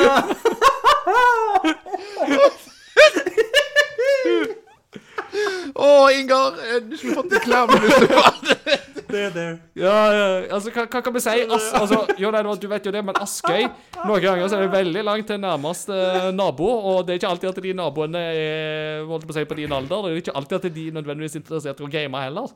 Så, Nei, jeg, jeg, jeg, jeg kan for så vidt følge med. så jeg tror jo det at Mario Party er litt, litt avhengig av at du må jo faktisk ha de gode folk å spille det sammen Så med. hvis vi tar, Så så hvis vi tar med Nintendo Switch til helga og setter på Mario Party, kanskje vi får Ingar får én positiv opplevelse? Ja, Da begynner Ingar å grine. Må, men vi må passe på at den vinner. ja, ja. ja. Men, men, men, men med andre ord, Ingar. Ditt, ditt, ditt verste Mario-opplevelse òg handler ikke om spillet. Det handler om mangel. Faktisk. Mangel på venner å spille med. Altså, det, det skal sies, de vennene jeg hadde, var veldig gode, altså. Men eh, da spilte vi mye mer Super Smash Bros., som jo kanskje var en av de spin-offene jeg hadde et godt forhold eh, til. Eh, så det var Ja, liksom for jeg har jo liksom maksa antall personer på Super Smash Bros. med deg, så det er ikke akkurat mangel på folk å spille med. Nei. Det- Så, og, og, og altså, det har jo blitt bedre i ettertid, ikke sant? men altså, nå, nå bor vi i Oslo. I Oslo er det mer folk. så det, Det det, det hjelper jo det, Altså, da. den visdommen Ingar sitter med. So smart, da. Hvorfor, hvorfor flyttet du til, eh, til Oslo, Ingar? Nei, det var for få folk å spille Mario Party med på Askøy. Det og at jeg er sjølerklært klimaflyktning siden 2006. Jeg var klimaflyktning før det ble trendy, som, pleier, som pleier å si.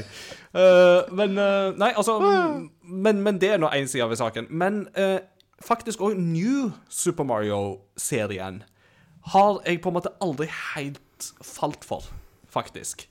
Eh, fordi at jeg har vært veldig glad i de klassiske 2D-Mario-spillene. Og så har jeg vært veldig glad i 3D-Mario-spillene.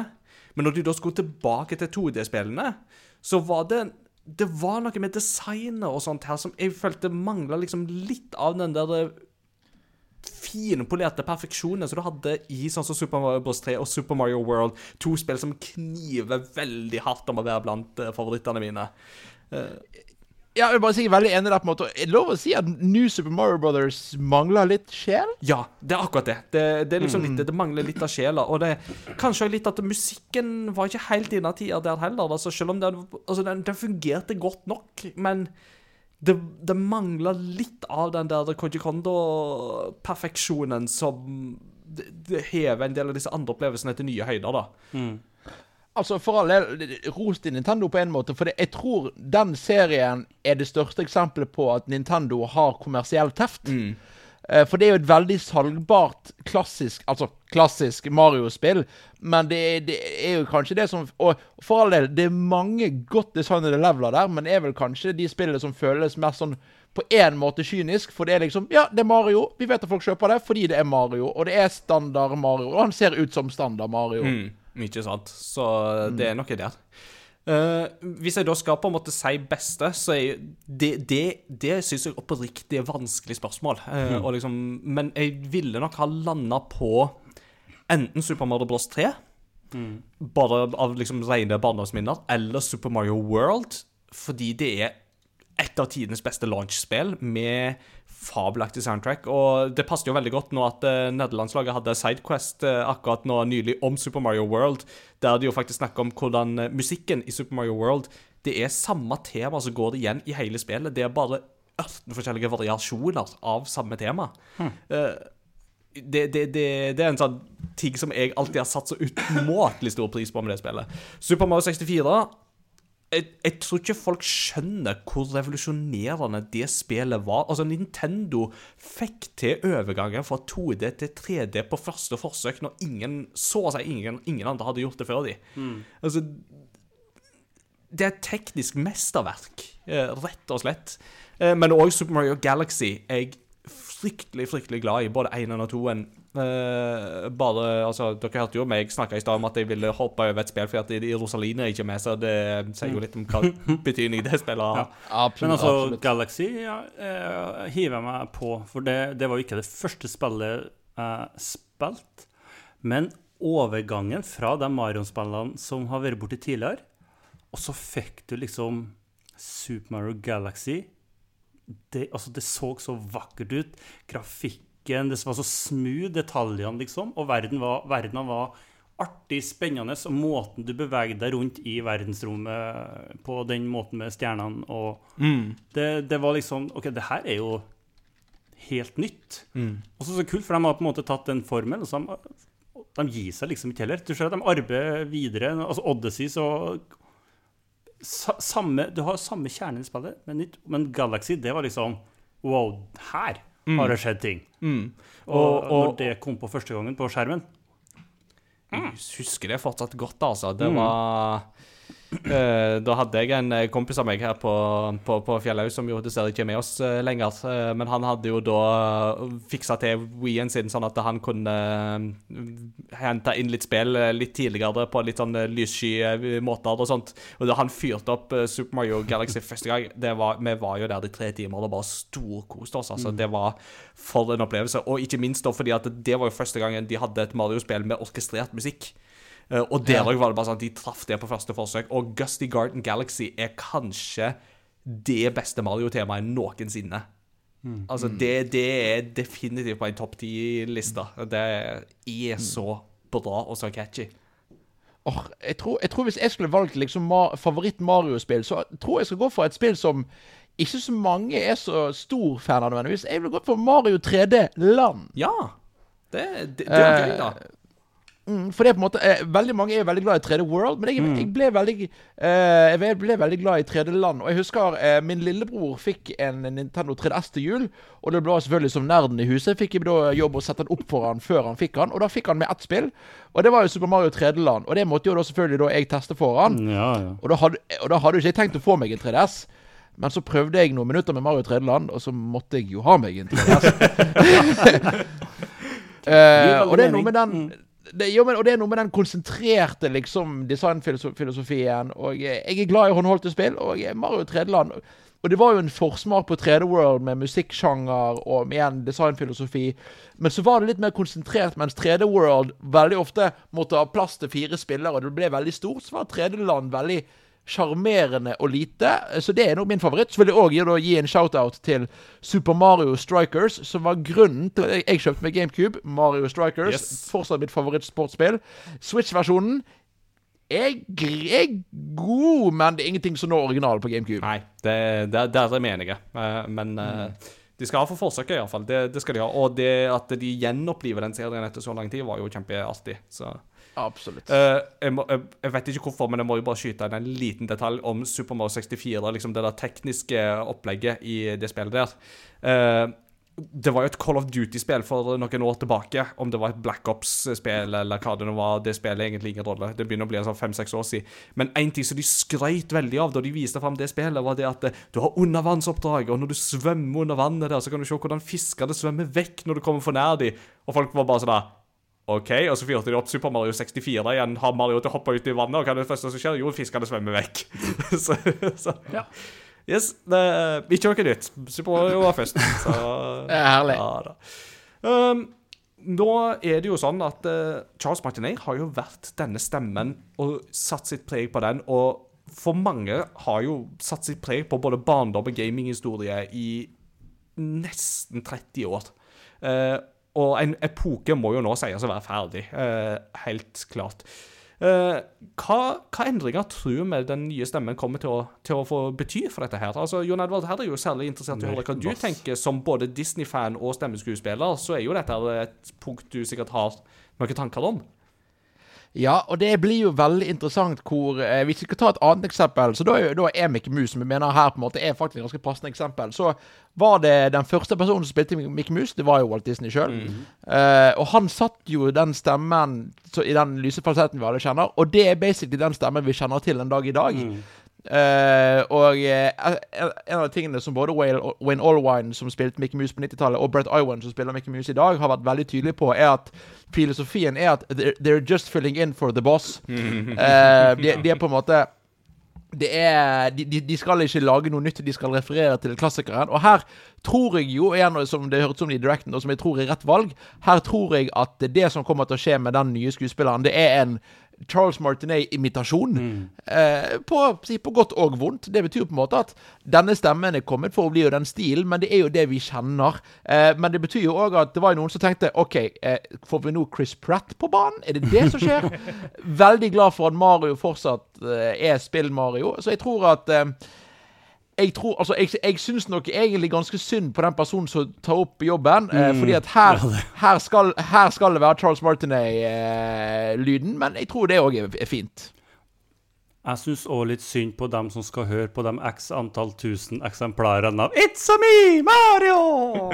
It's a me, Mario! It's a me, Altså, Hvor lang tror dere din lista på audition kommer til å være? Hvor lei er du av Mario når du er ferdig med å skal prøve å finne den nye Super Mario?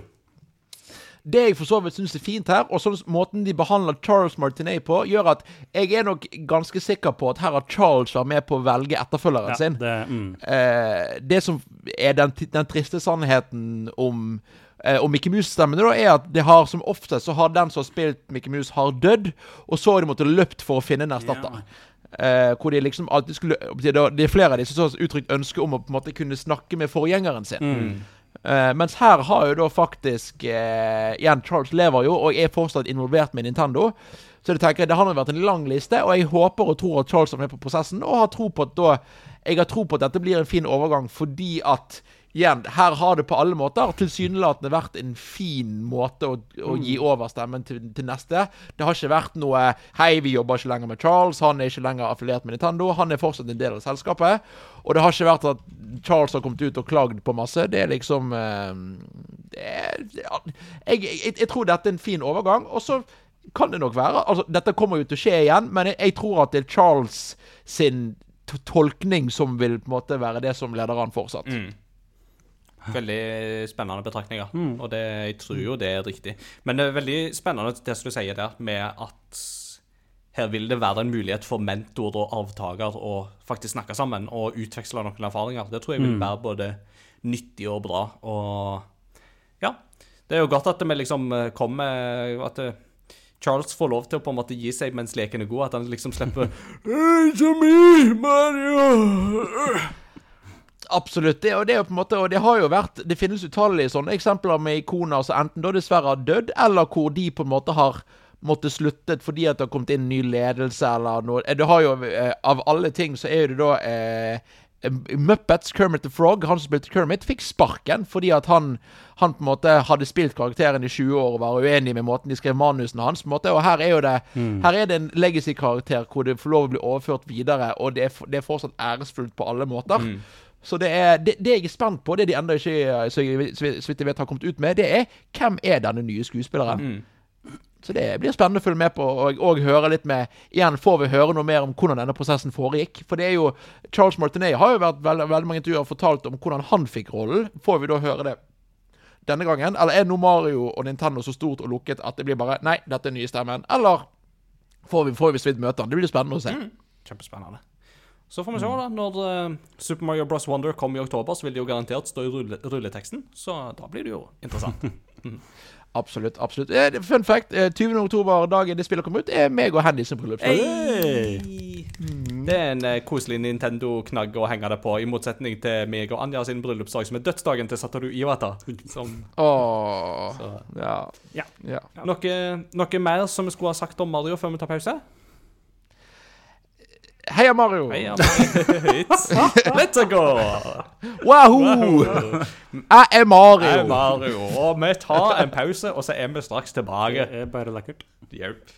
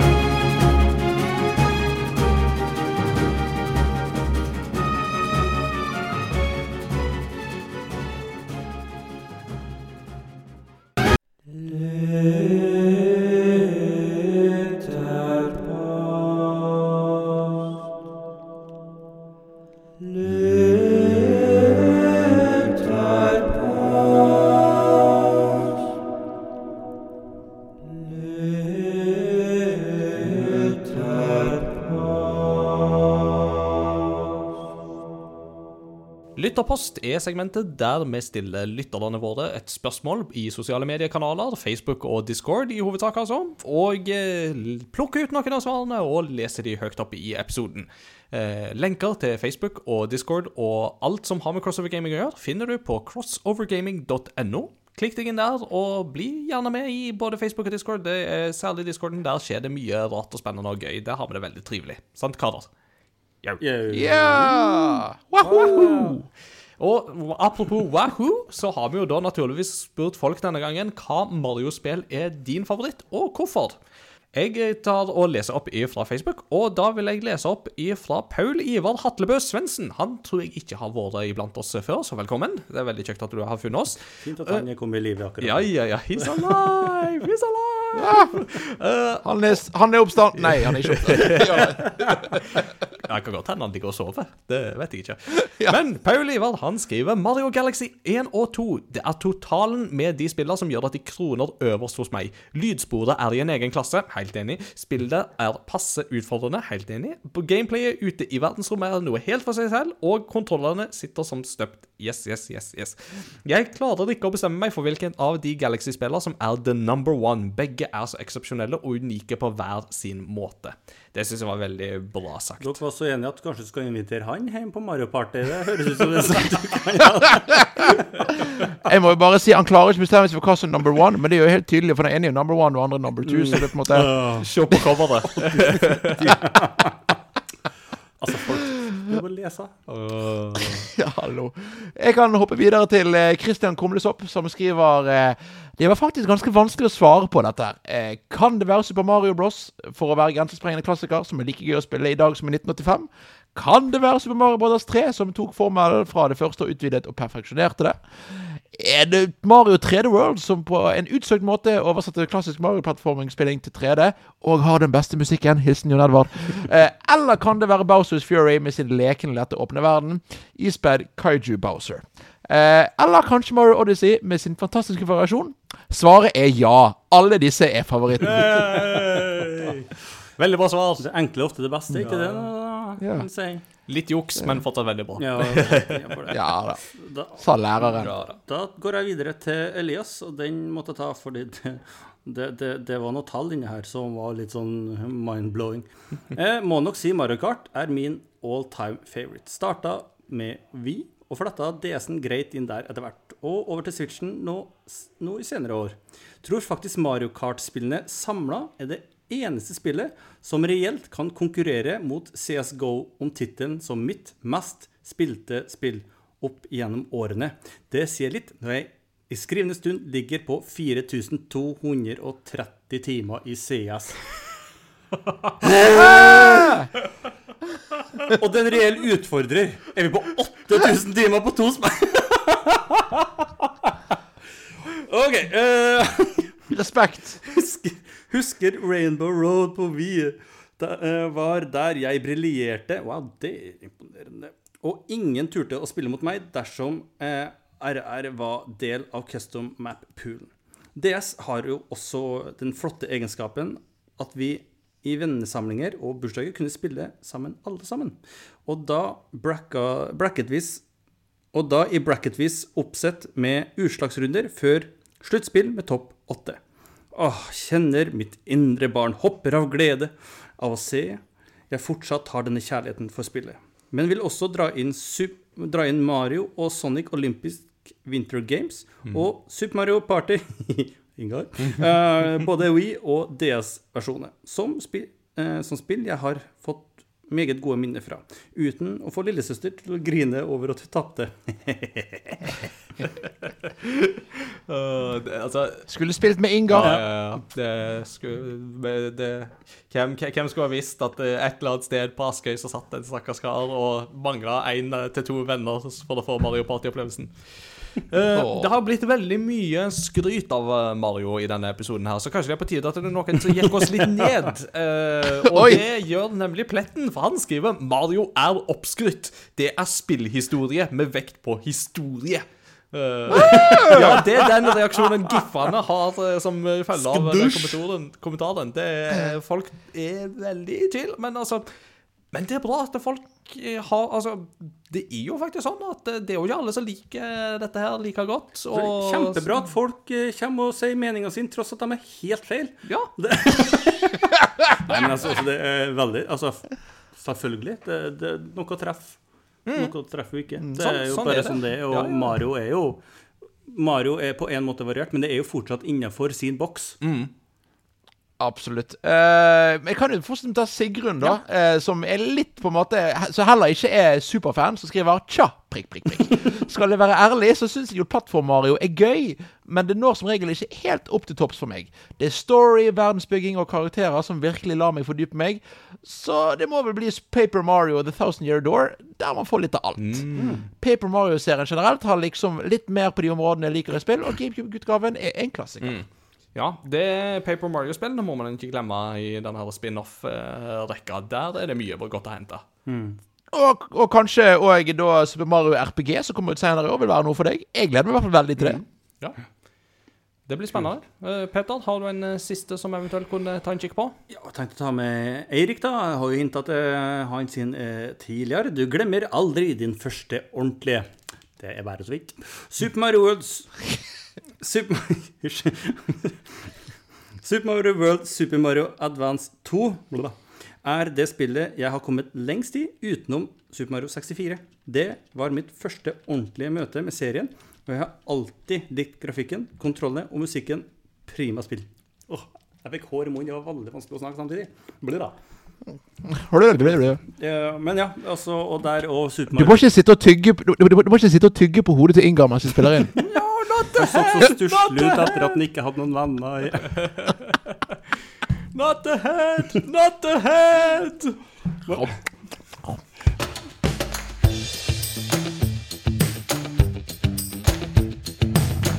What you been playing lately? What you been playing lately? What you been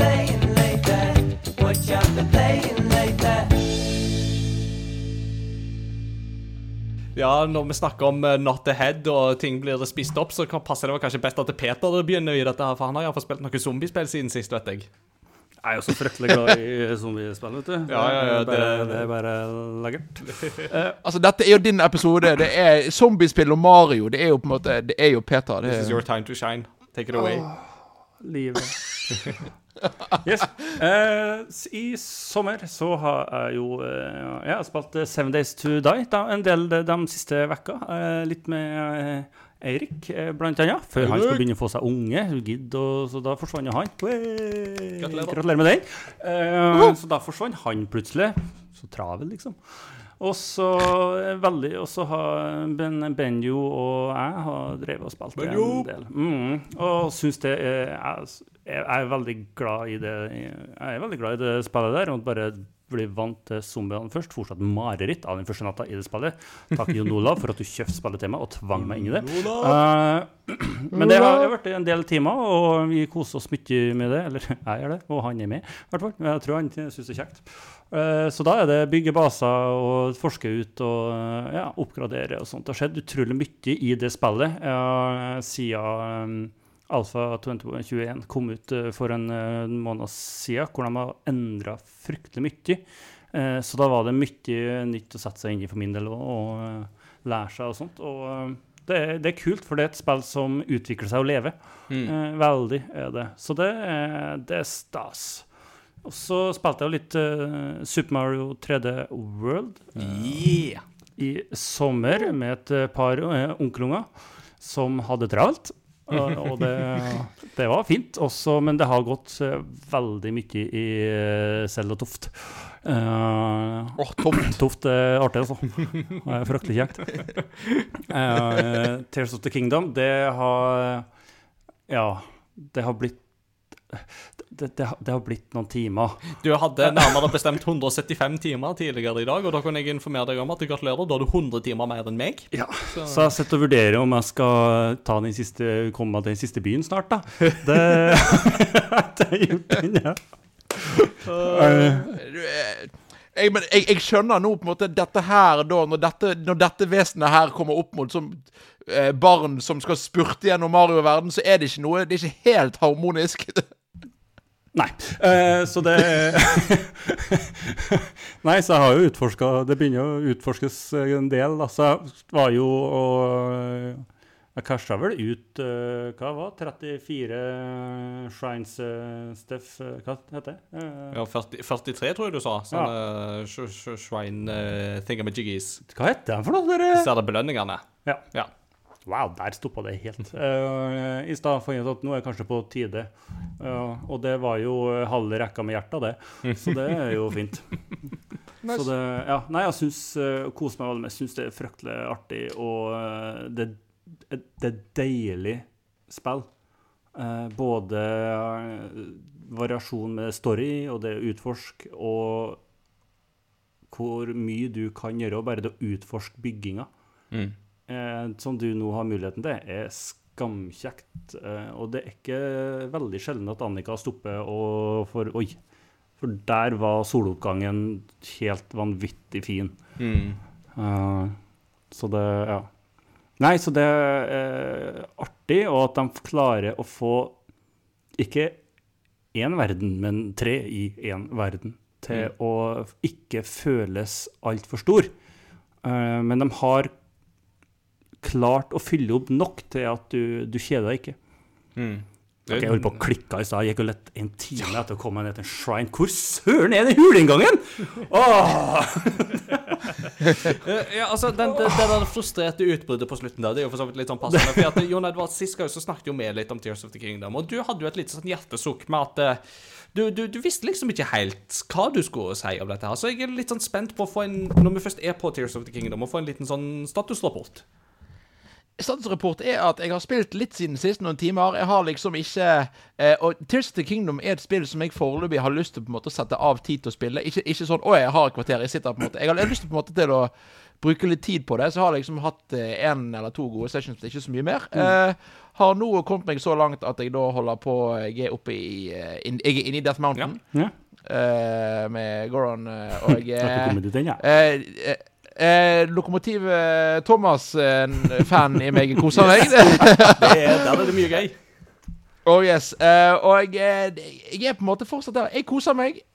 Jeg vet fortsatt ikke om jeg er solgt, men igjen jeg, men, jeg har, jeg, men jeg har gått litt inn for OK, jeg skal mainline litt. Jeg må passe på at For det jeg tror var litt av fellen min Jeg gikk rett i å tenke OK, dette er mer Breath of the Wild. Jeg fortsatte å bare gå og utforske, og så glemte jeg på en måte litt at Vent litt. Det, si, jeg, jeg tror jeg må behandle dette mer som et storiespill for Vi faktisk gå etter main mission. Så ehm, status er at jeg, jeg koser meg. Det er Men jeg jeg, jeg, jeg, jeg, jeg må fortsette å se hva Og finne ut hva jeg egentlig syns om dette her.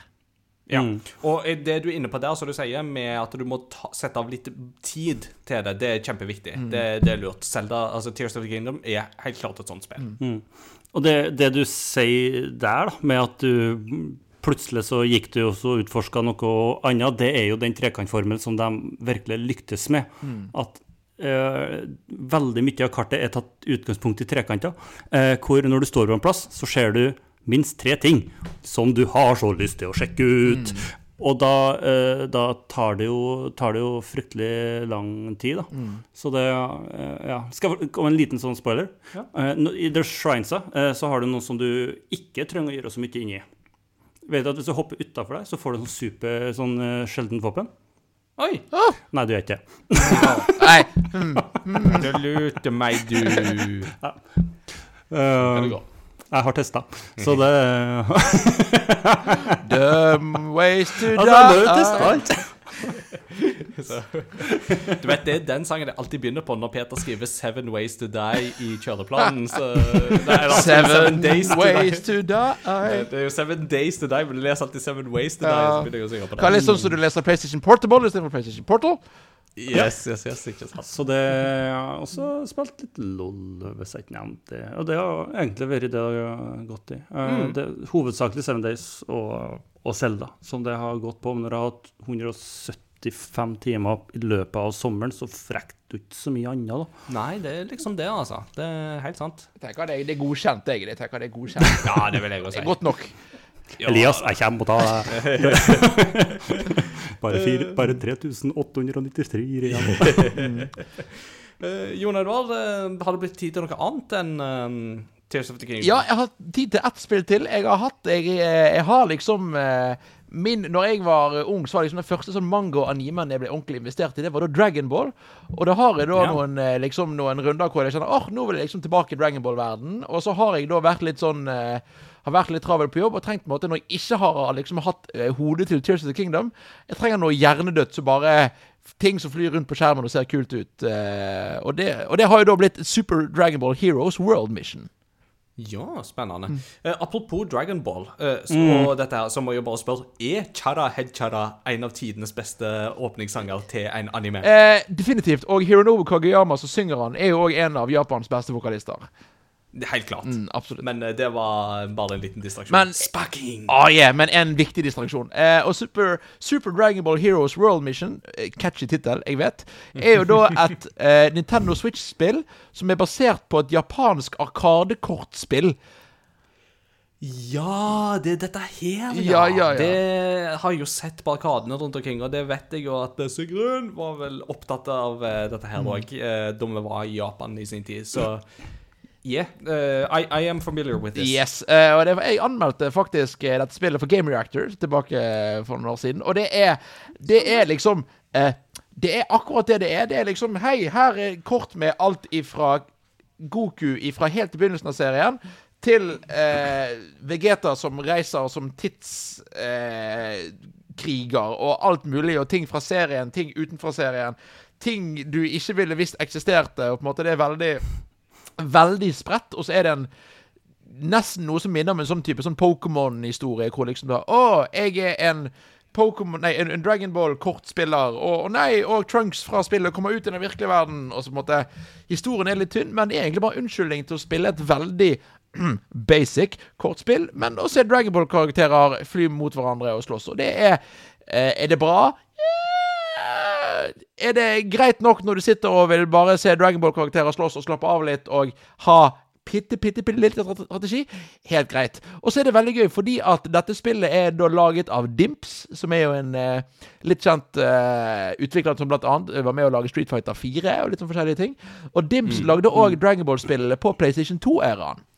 Stemmer det? Ja. Var det de som da lagde Budokai-serien, eksempel? Stemmer. Og de har da brukt Budokai-karaktermodellene fra PlayStation 2-en og brukt de om igjen her. Så det er jo jeg som da spilte de spillene og har veldig nostalgisk forhold til de, så er det gøy å se de karaktermodellene brukt om igjen her, da. De var jo veldig gode for sin tid. Det var de. Nå har de på en måte eh, Nå har det kommet karaktermodeller som er litt bedre. Altså Fighters ser penere ut, men det er fortsatt liksom Det er noe med det forholdet til akkurat de karaktermodellene som gjør at det er gøy å se de fly om igjen. Og til og med se de lage nye karaktermodeller i de stilene, som er ganske artig. Sweet. Du da, Ingar? så gøy. Du, for min del så Uh, På T-bane til og fra jobb nå, så går det mye i Xenoblade Chronicles 3. Yes. Eh, Det er fortsatt et veldig veldig bra spill. Det òg er et spill som har et forbaus... eh, Ikke forbausende, men meget bra soundtrack. Altså det, jeg visste jo det at det kom til å ha bra musikk, men altså det, dette her er dette er musikk som kan vekke både kampvilje og heltemot og tårer og alle slags følelser, altså. Det er, det, er, det, er et par morgener så skjer jeg når Ingar har satt seg ned på trikken. Nei, på T-banen. For det dukker opp i hjørnet av min TV-skjerm. Ja. så, så det har jeg fått med meg. Ja da, det, det, det skjer, det. Så, ja, da ringer jeg på vei på arbeid. Ja, ja, ja. Det, da, da vet du at jeg er på god vei. Så jeg og nyter livet i sofaen mens Ja da. så jeg blir så nært. Ja da, ikke sant. Men eh, jeg har vært i litt anmeldermodus i det siste, så jeg har fortsatt et par storspill fra tidligere i år som jeg ikke har rukket å begynne på, fordi jeg har tatt for meg noen eh, spill. Eh, det første jeg har tatt for meg, er et spill som jeg har gleda meg veldig til å spille, og det er Sea of Stars. Ja! Eh, fra Sabotage Studio, de som lagde The Messenger. Eh, og The Messenger, jeg vet ikke om du husker det, Peter, men da vi var på gamingleir i lag, så satt jeg og spilte et sånt ninjaspill som mm. var litt sånn retro. Det er jo The Messenger. Og det er jo fabelaktig bra, moderne Ninja Guiden-aktig eh, gameplay, med kul twist underveis og et eh, fabelaktig soundtrack. Ja, jeg sier det om alle spillene i dag, tydeligvis, men altså Dette her er liksom meget, meget bra. Man kan jo lure på om Ingar på en måte bare er glad i musikk. Bare Ja, du skulle tro det, ikke sant? Eh, Men Sea of Stars det er da deres andre spill. og Denne gangen så har de laga et spill som er veldig tett inspirert av Chrono Trigger. Og Chrono Trigger og andre Særlig da japanske rollespill fra den Super Nintendo-perioden. Men òg litt sånne ting som Golden Sun til Game Boy Advance og den deres forgjenger Shining Force. Eh, her er det litt Breath of Fire, det er Final Fantasy, men, men det er helt klart Chrono Trigger som er den største inspirasjonskilden her. Eh, og der du da spiller som eh, to, eh, to krigere, Valer og Zale, som da er det som kalles for Solstice Warriors. Altså, De er da født på hvert sitt solverv, altså på vintersolverv og sommersolverv. Og Det gjør at de kan da bruke henholdsvis sol- og månemagi, som da er det som må benyttes i denne verdenen for å bekjempe The Fleshmancer og hans onde minions, sånne såkalte dwellers. Eh, For hvis ikke de tar disse dwellers eh, ut, så vil de etter hvert vokse seg til å bli såkalte world eaters. Og det navnet sier jo seg sjøl, det, det er ikke en bra ting. Eh, og så følger vi da disse to her når de begynner på sin reise for å knerte eh, Altså for å ta den, det som da i utgangspunktet er den siste dweller. Eh, og da reiser de sammen med sin barndomsvenn Garl, som eh, er, da, blir da kjent under kallenavnet The Warrior Cook. For han er veldig glad i å lage mat, og han liker å dunke ting i hodet på folk, og så gi han mat til deg, sånn at du blir helsemessig og sånt igjen. Eh, dette her er et sånn Dette er et sånt eventyr-rollespill av den klassiske Super Nintendo-følelsen. Eh, Det er ikke helt Chrono Trigger, selv om det er veldig tydelig at inspirasjonen derifra er veldig god. Eh, Og jeg må si at dette her er absolutt et spill som er verdt å få med seg. Og det til tross for at 2023 er et meget bra spillår, så vil jeg si at Sea of Stars helt klart fortjener din oppmerksomhet. Har du GamePass, så er det tilgjengelig der, så sjekk det gjerne ut der hvis du er interessert. En litt rolig start. Men så tar det ikke lang tid før dette her begynner å bli gøy. Blant annet fordi at kampsystemet er veldig veldig underholdende her. med at det er turbasert, men så er det sånn at alle, alle fiender har noen svakheter som av og til kicker inn, fordi at de får sånne her, eh, symboler over seg, som er sånne såkalte locks. Eh, Og det, når de får de symbolene, da betyr det da lader de opp til et veldig kraftig angrep. Og for å kansellere det kraftige angrepet, så må du slå de med disse symbolene som da står over dem. Eksempel hvis det er en måne og eh, et sverd, så betyr det at du må treffe dem med månemagi, og du må treffe dem med et sverdslag. Er det en hammer og en ildkule, så betyr det at du må treffe dem med et blunt våpen og eh, eh. Um, og det gjør at du må liksom begynne å tenke veldig strategisk oppi dette her, på toppen av det hele. Men så er det jo da ikke bare disse tingene her, men det er òg det at dette spillet ser helt fabelaktig ut. Altså, dette er pikselkunst på sitt reneste. Eh, og jeg noterte dette her i min anmeldelse på Game Director, at eh, Sabotage de er kanskje de beste i bransjen i dag når det kommer til det å lage moderne pikselkunst, sammen med da Askøy-studioet Dpad Studios. Askøy! Eh, og, ja, Askøy. og eh, Yacht Club Games, de som har laga Shovel Knight. Altså, det er liksom kanskje de tre studioene jeg vil sette som de beste akkurat nå på det å lage moderne pikselkunst. Fordi at hver piksel er så nøye gjennomtenkt og ser så levende og bra ut. Pluss at de her kombinerer det med moderne lys- og skyggerendringer, som gjør at du får en helt spesiell effekt. Eh, Så dette her er, ser veldig, veldig bra ut. Ja, så må jeg da bare si at dette blir jo da på en måte veldig spennende og på en måte veldig fint at det kommer kombinert med at Sonic Team denne uken har gått ut og sagt at nei, beklager, eh, eh, Pixel Art sin tid er nok forbi. Ja, det var sånn Snakk om timing å si det på. For da hadde liksom Sabotage som bare sier 'hold my beer', og så går de hen og så lager de dette spillet som bare ser helt amazing ut. Altså, det Enten du ser det still-bilder, eller du ser det i levende livet. Så dette er et spill som jeg tenker det er vanskelig å ikke bli imponert over det du ser her. Men særlig det med på en måte det at det kombineres med moderne lys- og skyggeeffekter, gjør at du får en helt egen stil, altså, som er veldig, veldig levende og vakker. Uh, og så må jo da musikken nevnes. Det er jo Eric uh, Brown, uh, også kjent som Rainbow Dragon Eyes, eh, er jo hovedkomponist her, sånn som med The Messenger. Eh, men han har jo da òg fått med seg selveste Yasunori Mitsuda, eh, komponisten bak Chrono Trigger. Nice. Da komponerer ti av sangene her. Og det er det, det låter så bra, altså. Og jeg har liksom gått og nynna på de melodiene lenge etterpå. Det, dette her skal absolutt opp i liksom eh, beste soundtrack for året. Og på toppen av det hele så har de et minispill som bare Dette her må aldri slippes i et eget mobilspillformat, for dere kommer til å bli fullstendig avhengig. Eh, og det er et sånt minispill som heter Wheels, som er et slags type sånn Du har to brikker, og så bygger du opp et forsvarsverk, og så må du benytte disse brikkene til å angripe motstanderens konge, samtidig som du beskytter din konge, og så spinner du på noen hjul som gir deg på en måte angrepsfordeler osv. Så, videre, og så, videre. så det er eh, utrolig gøyalt, eh, rett og slett. Så Sea of Stars eh, Hvis jeg skal si noe negativt Det skorter litt på historien iblant. Eh, og det er, kan nok òg oppfattes som litt vel lineært til tider òg. Eh, men det er fortsatt veldig veldig bra. Så her ga jeg det en ganske god karakter på Game Reactor. Som, eh, der kan du lese hele anmeldelsen. Jeg er litt nysgjerrig på igjen, sånn som Sea of Stars er liksom refererer veldig og på en måte og tar mye fra gamle RPG-er fra Super Nintendo-æraen og utover. Eh, Hvis noen på en måte ikke har spilt de spillene, vil du anbefale de å spille de spillene, eller å spille Sea of Stars? Eh, jeg vil jo alltid anbefale folk å spille Chrono Trigger. Fordi Chrono Trigger er jo kanskje et av tidenes beste spill. Eh, og definitivt et av de aller, aller beste spillene fra den perioden, og helt klart i toppsjiktet når det kommer til japanske rollespill. Eh, men du er ikke avhengig av å ha spilt noen av disse gamle spillene for å spille Sea of Stars. Du kan, og du trenger jo ikke å ha spilt The Messenger heller, selv om dette foregår i samme verden, bare flere tusen år før. Eh, men det er sånn, har du spilt disse tingene, så tror jeg du får større glede av det. Det tror jeg. Men du er ikke avhengig av det på noen som helst måte. Altså, Kona sto jo og kikka på flere ganger mens jeg spilte Sea of Stars, og syntes jo det så veldig spennende og kjekt og artig ut. Så her tror jeg definitivt det er en appell, selv om det ikke er liksom de normale Altså selv om du ikke nødvendigvis har så mye erfaring Ja. med de. Mm. Og så har jeg spilt et annet spill eh, der eh, i snakkende stund så er ikke anmeldelsen ute, men den er rett rundt hjørnet, og jeg har det vel egentlig ikke fått noen embargo på det, så jeg tror det er safe at jeg bare snakker om det. Men eh, det er da et norsk spill som heter Girl Genius Adventure in Castle Heterodyne fra Bergen-studioet Rain Games. Og Rain Games det er, det er jo de som har laga Tesla Grad eh, 1 og 2. Det er de som har laga World to the West. Det er de som har laga Mesmer.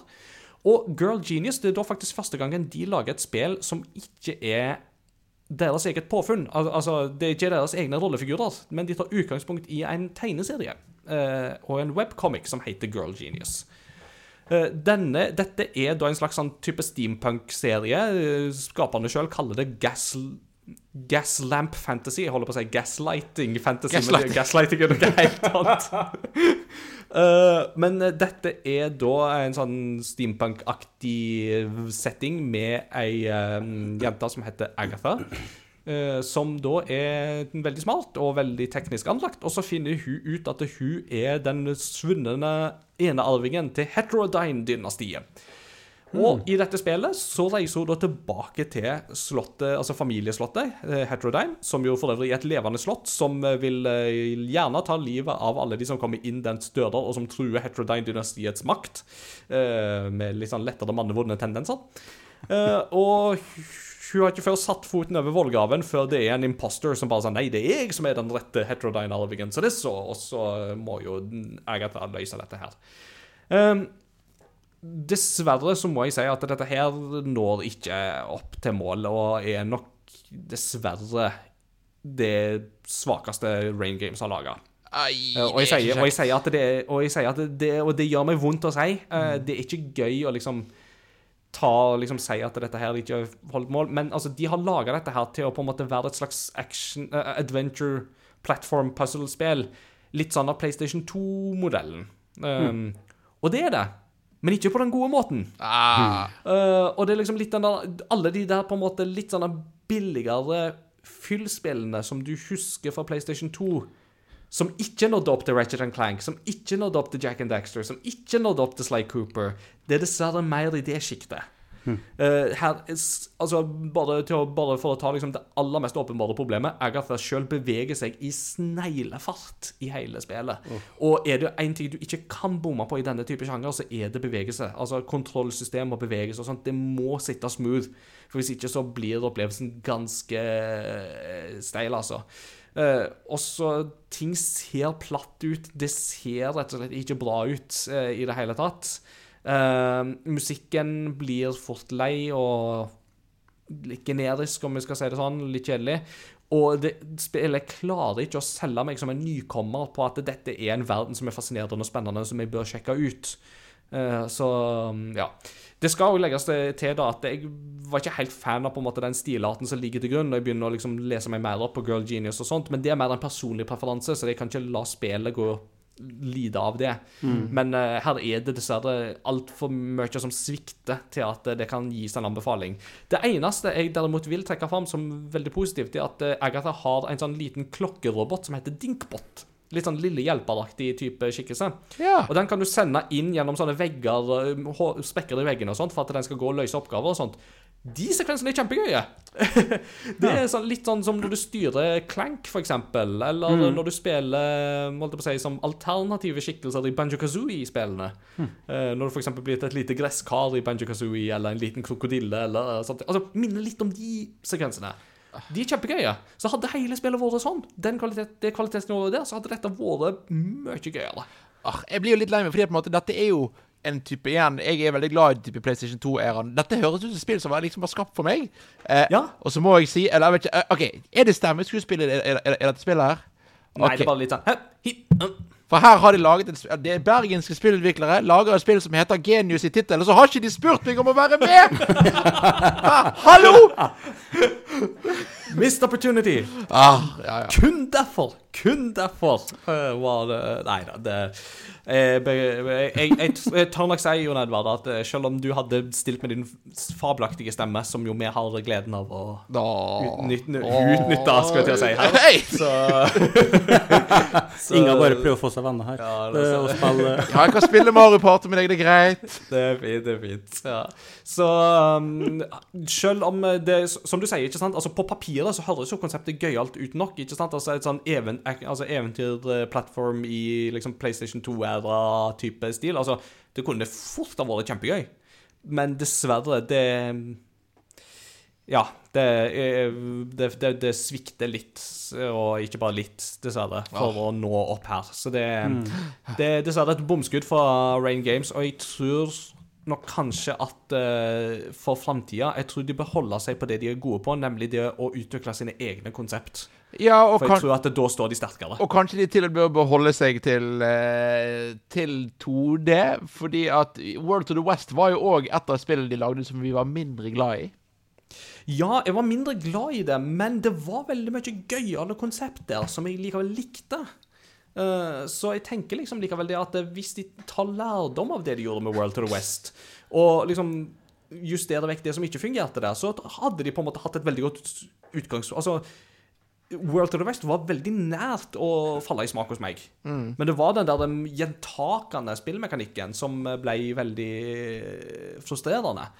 Eh, men eh, jeg vil jo ikke bare at de skal lage 2D-spill altså 2D i Tesla-grad-stil heller, selv om de er flinke på det. Altså, Jeg er veldig for at spillutviklere tør å gå utenfor komfortsonen og gjøre noe nytt. Det, det tenker jeg er kjempebra. Eh, Så det må de bare fortsette med. Og jeg håper det at de ikke blir altfor lei seg av anmeldelsen.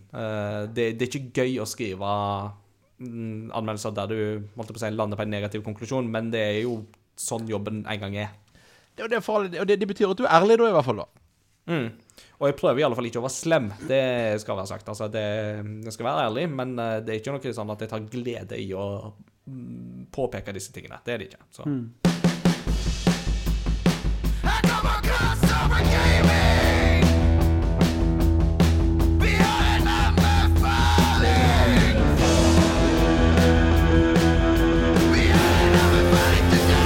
OK, eh, vi slutta på en litt sånn dyster tone, skulle jeg til å si i stad. Så la oss snakke om kanskje noe lystigere. Jeg vet ikke hva Jon Edvard har, eh, men altså anbefaling betyr jo som regel at det er noe bra. Så I dag, hva, hva vil du snakke om? dag folk å ikke Yes.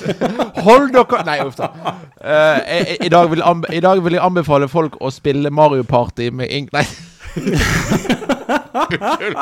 Dette kommer til å bli vårt nye meme, John Gelé. Ja, ja, ja. jeg, må bare få T-skjorte. Vil du spille Mario Party med meg? Åh, det der eh, Ja, men eh, nei, min, eh, min anbefaling er faktisk i dag et spill som jeg og noen venner er veldig glad i å spille. Spesielt en venninne har spilt, og det heter Tools Up.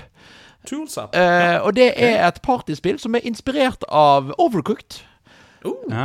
Eh, men istedenfor å, uh, istedenfor å lage mat, så skal dere da pusse opp en leilighet.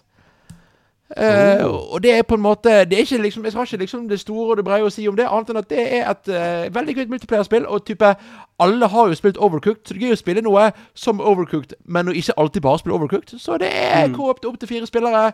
Du løper rundt, uh, du må fikse vegger, male, ve male vegger, uh, tapetsere gulv Eller, du tapetserer kanskje ikke gulv.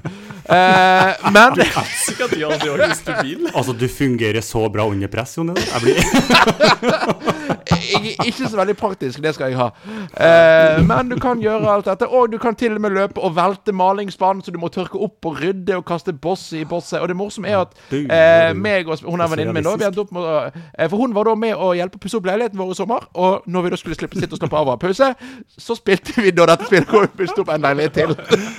det, det er litt sånn lastebilsjåfører som OK, nå må jeg ha en pause, og så setter han seg i nabosetet hvor han har lastebilsimulator. Ja, det er det. Er akkurat det. Eller, eller, eller, så- eller, eller, eller som bonden som sitter i traktoren med Switch og spiller Farming Simulator. Yes. Eh, På det nivået der. Um, eh, veldig bra anbefaling. Jeg har lyst til å komme med en sånn liten bianbefaling som kun er liksom fordi vi er i den perioden vi er av året akkurat nå, og det er å stemme.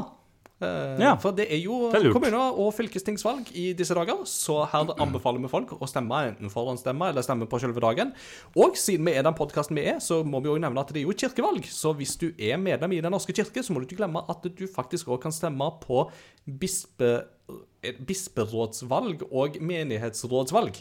Eh, Så her er det to valg du kan stemme på i begge Altså to ganger to, så du kan stemme på, rett og slett. Så det er mm, et firspann her som du kan stemme på. Så husk å stemme, så du kan klage med god samvittighet. Ja, ikke sant. Yes. Og, og, og her må vi jo òg skyte et eh, slag for eh, kirkevalget, for der kan du faktisk stemme digitalt. Så det er jo bare å Uh. bare gå inn med bank-ID. på- Kirka er så moderne. Ja, ja, ja. Det stemmer! Oh. er en hebreke pachinko-kontroller til Super Nintendo. It's You show to me? It's curiosity. What a neat thing to know. It's curiosity. What are you gonna show to me? I haven't even heard of it. What a neat thing to know. It's a great part of the show. Så kuriositeter, Peter. Her har du jo eh, lista opp både det ene og det andre, så vær så god. Jeg klarte liksom ikke helt å bestemme meg. Eh, men jeg nøyer meg med én. Ja. Ja, kan, kan jeg bare Og si at nå, nå er det da kur kuriositet med kuriosipeter? Åh. Takk til deg.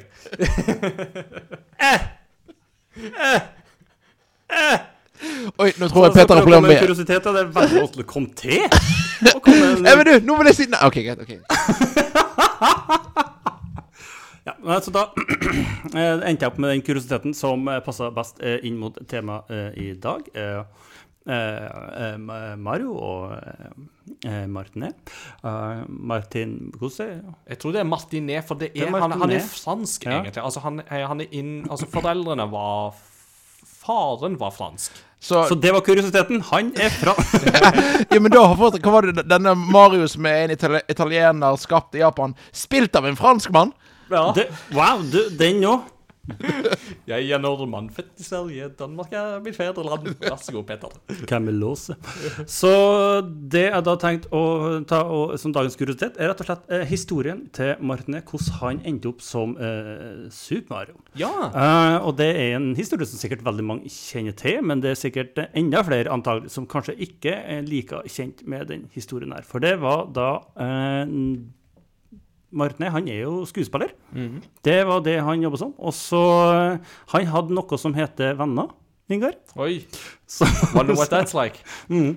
Nei, så eh, En kamerat av han sa at eh, det var en rolle i Las Vegas som han måtte eh, sjekke ut. Så han, det var audition nå, så han kunne bare for å, og, ja, krasje den auditionen, som det er tydeligvis kalles på fagspråket. Eh, og Martinet var sånn Ikke sjans at jeg bare stikker innom en eh, audition. Eh, jeg er en profesjonell skuespiller, og det her skal gjøres skikkelig. Og hva er greia med alt det her, liksom? Og, ikke Domario eller noe som helst. Eh, så han for dit, da. Og kom inn eh, til audition. Eh, og da hadde de jo egentlig begynt å pakke sammen. Det var ferdig. Eh, men så spurte han kan jeg få lov til å ta en audition, og det fikk jeg lov til. Og da fikk han høre at OK, du er, du er da en karakter som heter Super Mario. Heter Mario. Du er rørlegger fra Brooklyn. Uh, italiensk rørlegger fra Brooklyn. Eh, og i løpet av de ca. 20 sekundene han hadde på seg til å forberede seg, så tok han en helomvending. Han hadde egentlig tenkt å ha en litt sånn mørkere stemme, eh, men så kjente han at men det her treffer jo ikke ungene på så god måte. Eh, og det han da gjorde, at han tok inspirasjon fra den forrige rollen han eh, hadde spilt som skuespiller, som var eh, William Shakespeares sitt stykke 'The Taming of the Stew'. The Shrew. The Shrew, Shrew, ja. Hei, Shrew. Shrew. Eh, og gjorde den stemmen litt uh, lysere. Og så bare gønna han på med alle de setningene som vi kjenner til fra eh, Mario. It's a me, Mario! Oh, pling, og That's a bare- spicy ja. meatball. Ja, mm, og bare gønna på. Og så fikk han, eh, når han hadde liksom sagt ei regle som han kom på sånn på sparket, så fikk han OK, du hører fra oss. Ja. Og han var sånn Ja, Takk til meg. da var det over.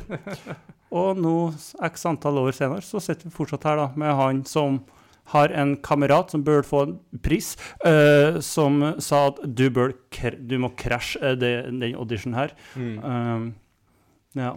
Så han tok en liten sånn uh, som han uh, tok til Supermann. Han kom for sent. han, Ja. han gama uh, Vov, da. Så, Det er jo men ja. Nei, så det, jeg syns jeg syns det er en nydelig historie. Med å bare komme inn sånn, og så bare kjøre på, og så skaper du den rollen Skaper på direkten. Du skaper et ikon som er verdenskjent. Og eh, Magisk. evig. eh, Og det er ganske Det, det, det, det er kult. Ja. Så Så det var moral, moralen er du må spille litt Shakespeare, så går det, går det bra. Ja. Jeg lurer på om det der setter heter 'Troll kan temmes' på norsk, kanskje? Mulig. Da, Ja, en annen okay. kuriositet. Ja. to kuriositeter. This is getting out of hand. Now there are two of them. Og med det så er en lang episode på vei mot uh, sin ende. Og denne gangen så har jeg uh, tatt eh, på meg jobben med Postludium. og vi måtte jo selvsagt innom Mario-segmentet her, men hvor skal vi gå i dette her? Og jeg gikk fram og tilbake og tenkte nei, jeg vil ha det, ja, jeg vil ha det, og så havnet jeg på det spillet og det spillet, og så til slutt så landet Det er jo så lite å velge i. ja, det er jo så mye. Ja, det, det, ingenting. Ingenting bra musikk der. Men Super Mario 3D World er et av de Mario-spillene som jeg tror kanskje får minst kred for hvor bra musikken i det faktisk er. Eh, Det er et spill som har så bra musikk at eh, jeg og kona vi spilte det for en god del år tilbake, og fortsatt så kan jeg nynne på hovedtemaet fra det spillet, som man jo da hører i Super Bell Hill. Og jeg får fortsatt svaret fra andre enden av leiligheten. Eh, det er liksom sånn umiddelbart. Det er liksom bare gode følelser. Så vi skal høre Super Bell Hill fra Super Mario 3D World. Og der har du da musikk som er komponert av Mahito Yokota, Toru Minirishi, uh, Koji Kondo, naturligvis, og uh, Yasuaki Iwata, som komponerte, det soundtracket. Med det så tenker jeg at uh, vi må komme oss hjem og legge oss og sånt. Vi har jo en hyttetur i morgen som skal på litt sånne ting, Peter, som må være uthvilt og Ja. hele pakka. Uh, og så er det vel egentlig bare å si takk for nå. Vi snakkes ved neste korsvei. Ha det bra! Goodbye, everyone. Wahoo! Listen to Crossover Gaming. Mamma mia! Ok, det. Spill Mario Party med Ingar.